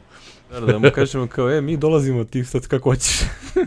Pa ne, ono, ne, ne, pa ne, on ako je tamo, on će da dođe da se vidimo, znaš, ono, popijemo piće i to, tako da, ovaj, ajde da ne otkrivamo ljudima, Iako ako su mogli bude, su bit će, vremeno Jason Snell ekipa da snimaju onaj Incomparable onoj, onom, onoj pivnici. pa se Da. u sred snimanja pojavio vlasnik da ih pita da su zadovoljni uslugom. znači, možemo i mi, ono. A, da, Da, da. sve je moguće. sve je moguće, da. Što bi rekli da ne bude ono kao over promise, under deliver, aj sad malo da čutimo pa vidjet ćemo. Šta će. ispalo. Da, da. da, da. Ele, Ništa, ljudi, to veliki to. pozdrav od nas. Ovaj, a, pričat, ono, da- da ne mislite da smo odustali od podcasta, nismo, nego prosto obaveze, ludilo, odmori, svašta. Zahvalnice su našim dragom Vladi Tošiću koji nam je muziku ustupio, odnosno rekao je smete momci ovo da koristite, bit će mi vrlo drago. A, Aleksandri Ilkićić, Alessandri Ilkić, Ilkici, Ilić Ilkici, jeli, grafičkom dizajneru koji je uradila naš logotip i Saši Montilju koji nam ovaj čije slike jeli koristimo kao artwork i Da, to se nismo najlepši, najlepši ono artwork epizoda ikada. Da, ovaj, e sad to ima nešto, i, jao, to sam zaboravio, to je bio jedan follow-up. To moramo obavezno u sledećoj epizodi. Imali smo follow-up na temu chaptera, grafike, ali sad se ne sećam, ja se izvinjavam momku koji je to poslao, poslao nam je na maile, sad sam se setio. Ja se izvinjavam, obavezno u sledećoj epizodi ovaj, ono, ćemo o tome da pričamo. Sad smo baš Gde? dva i po sata. Zabeleži negde. Stavi Dva, odmah dvajest- tamo u Slack. Da, da, da, 2.25 smo već, pa ovaj, odnelo bi nam mnogo vremena, ali evo, setih se baš kod, kod tog dela. I Izvinjavam, za kraj još jedno izvinjenje, ovaj, a to je obavezno prva stvar o kojoj ću vam pričati u sledećoj epizodi. Lep, hvala vam lepa, pa se čujemo. I lep odmor i vama kao i nama. Ćao. Um,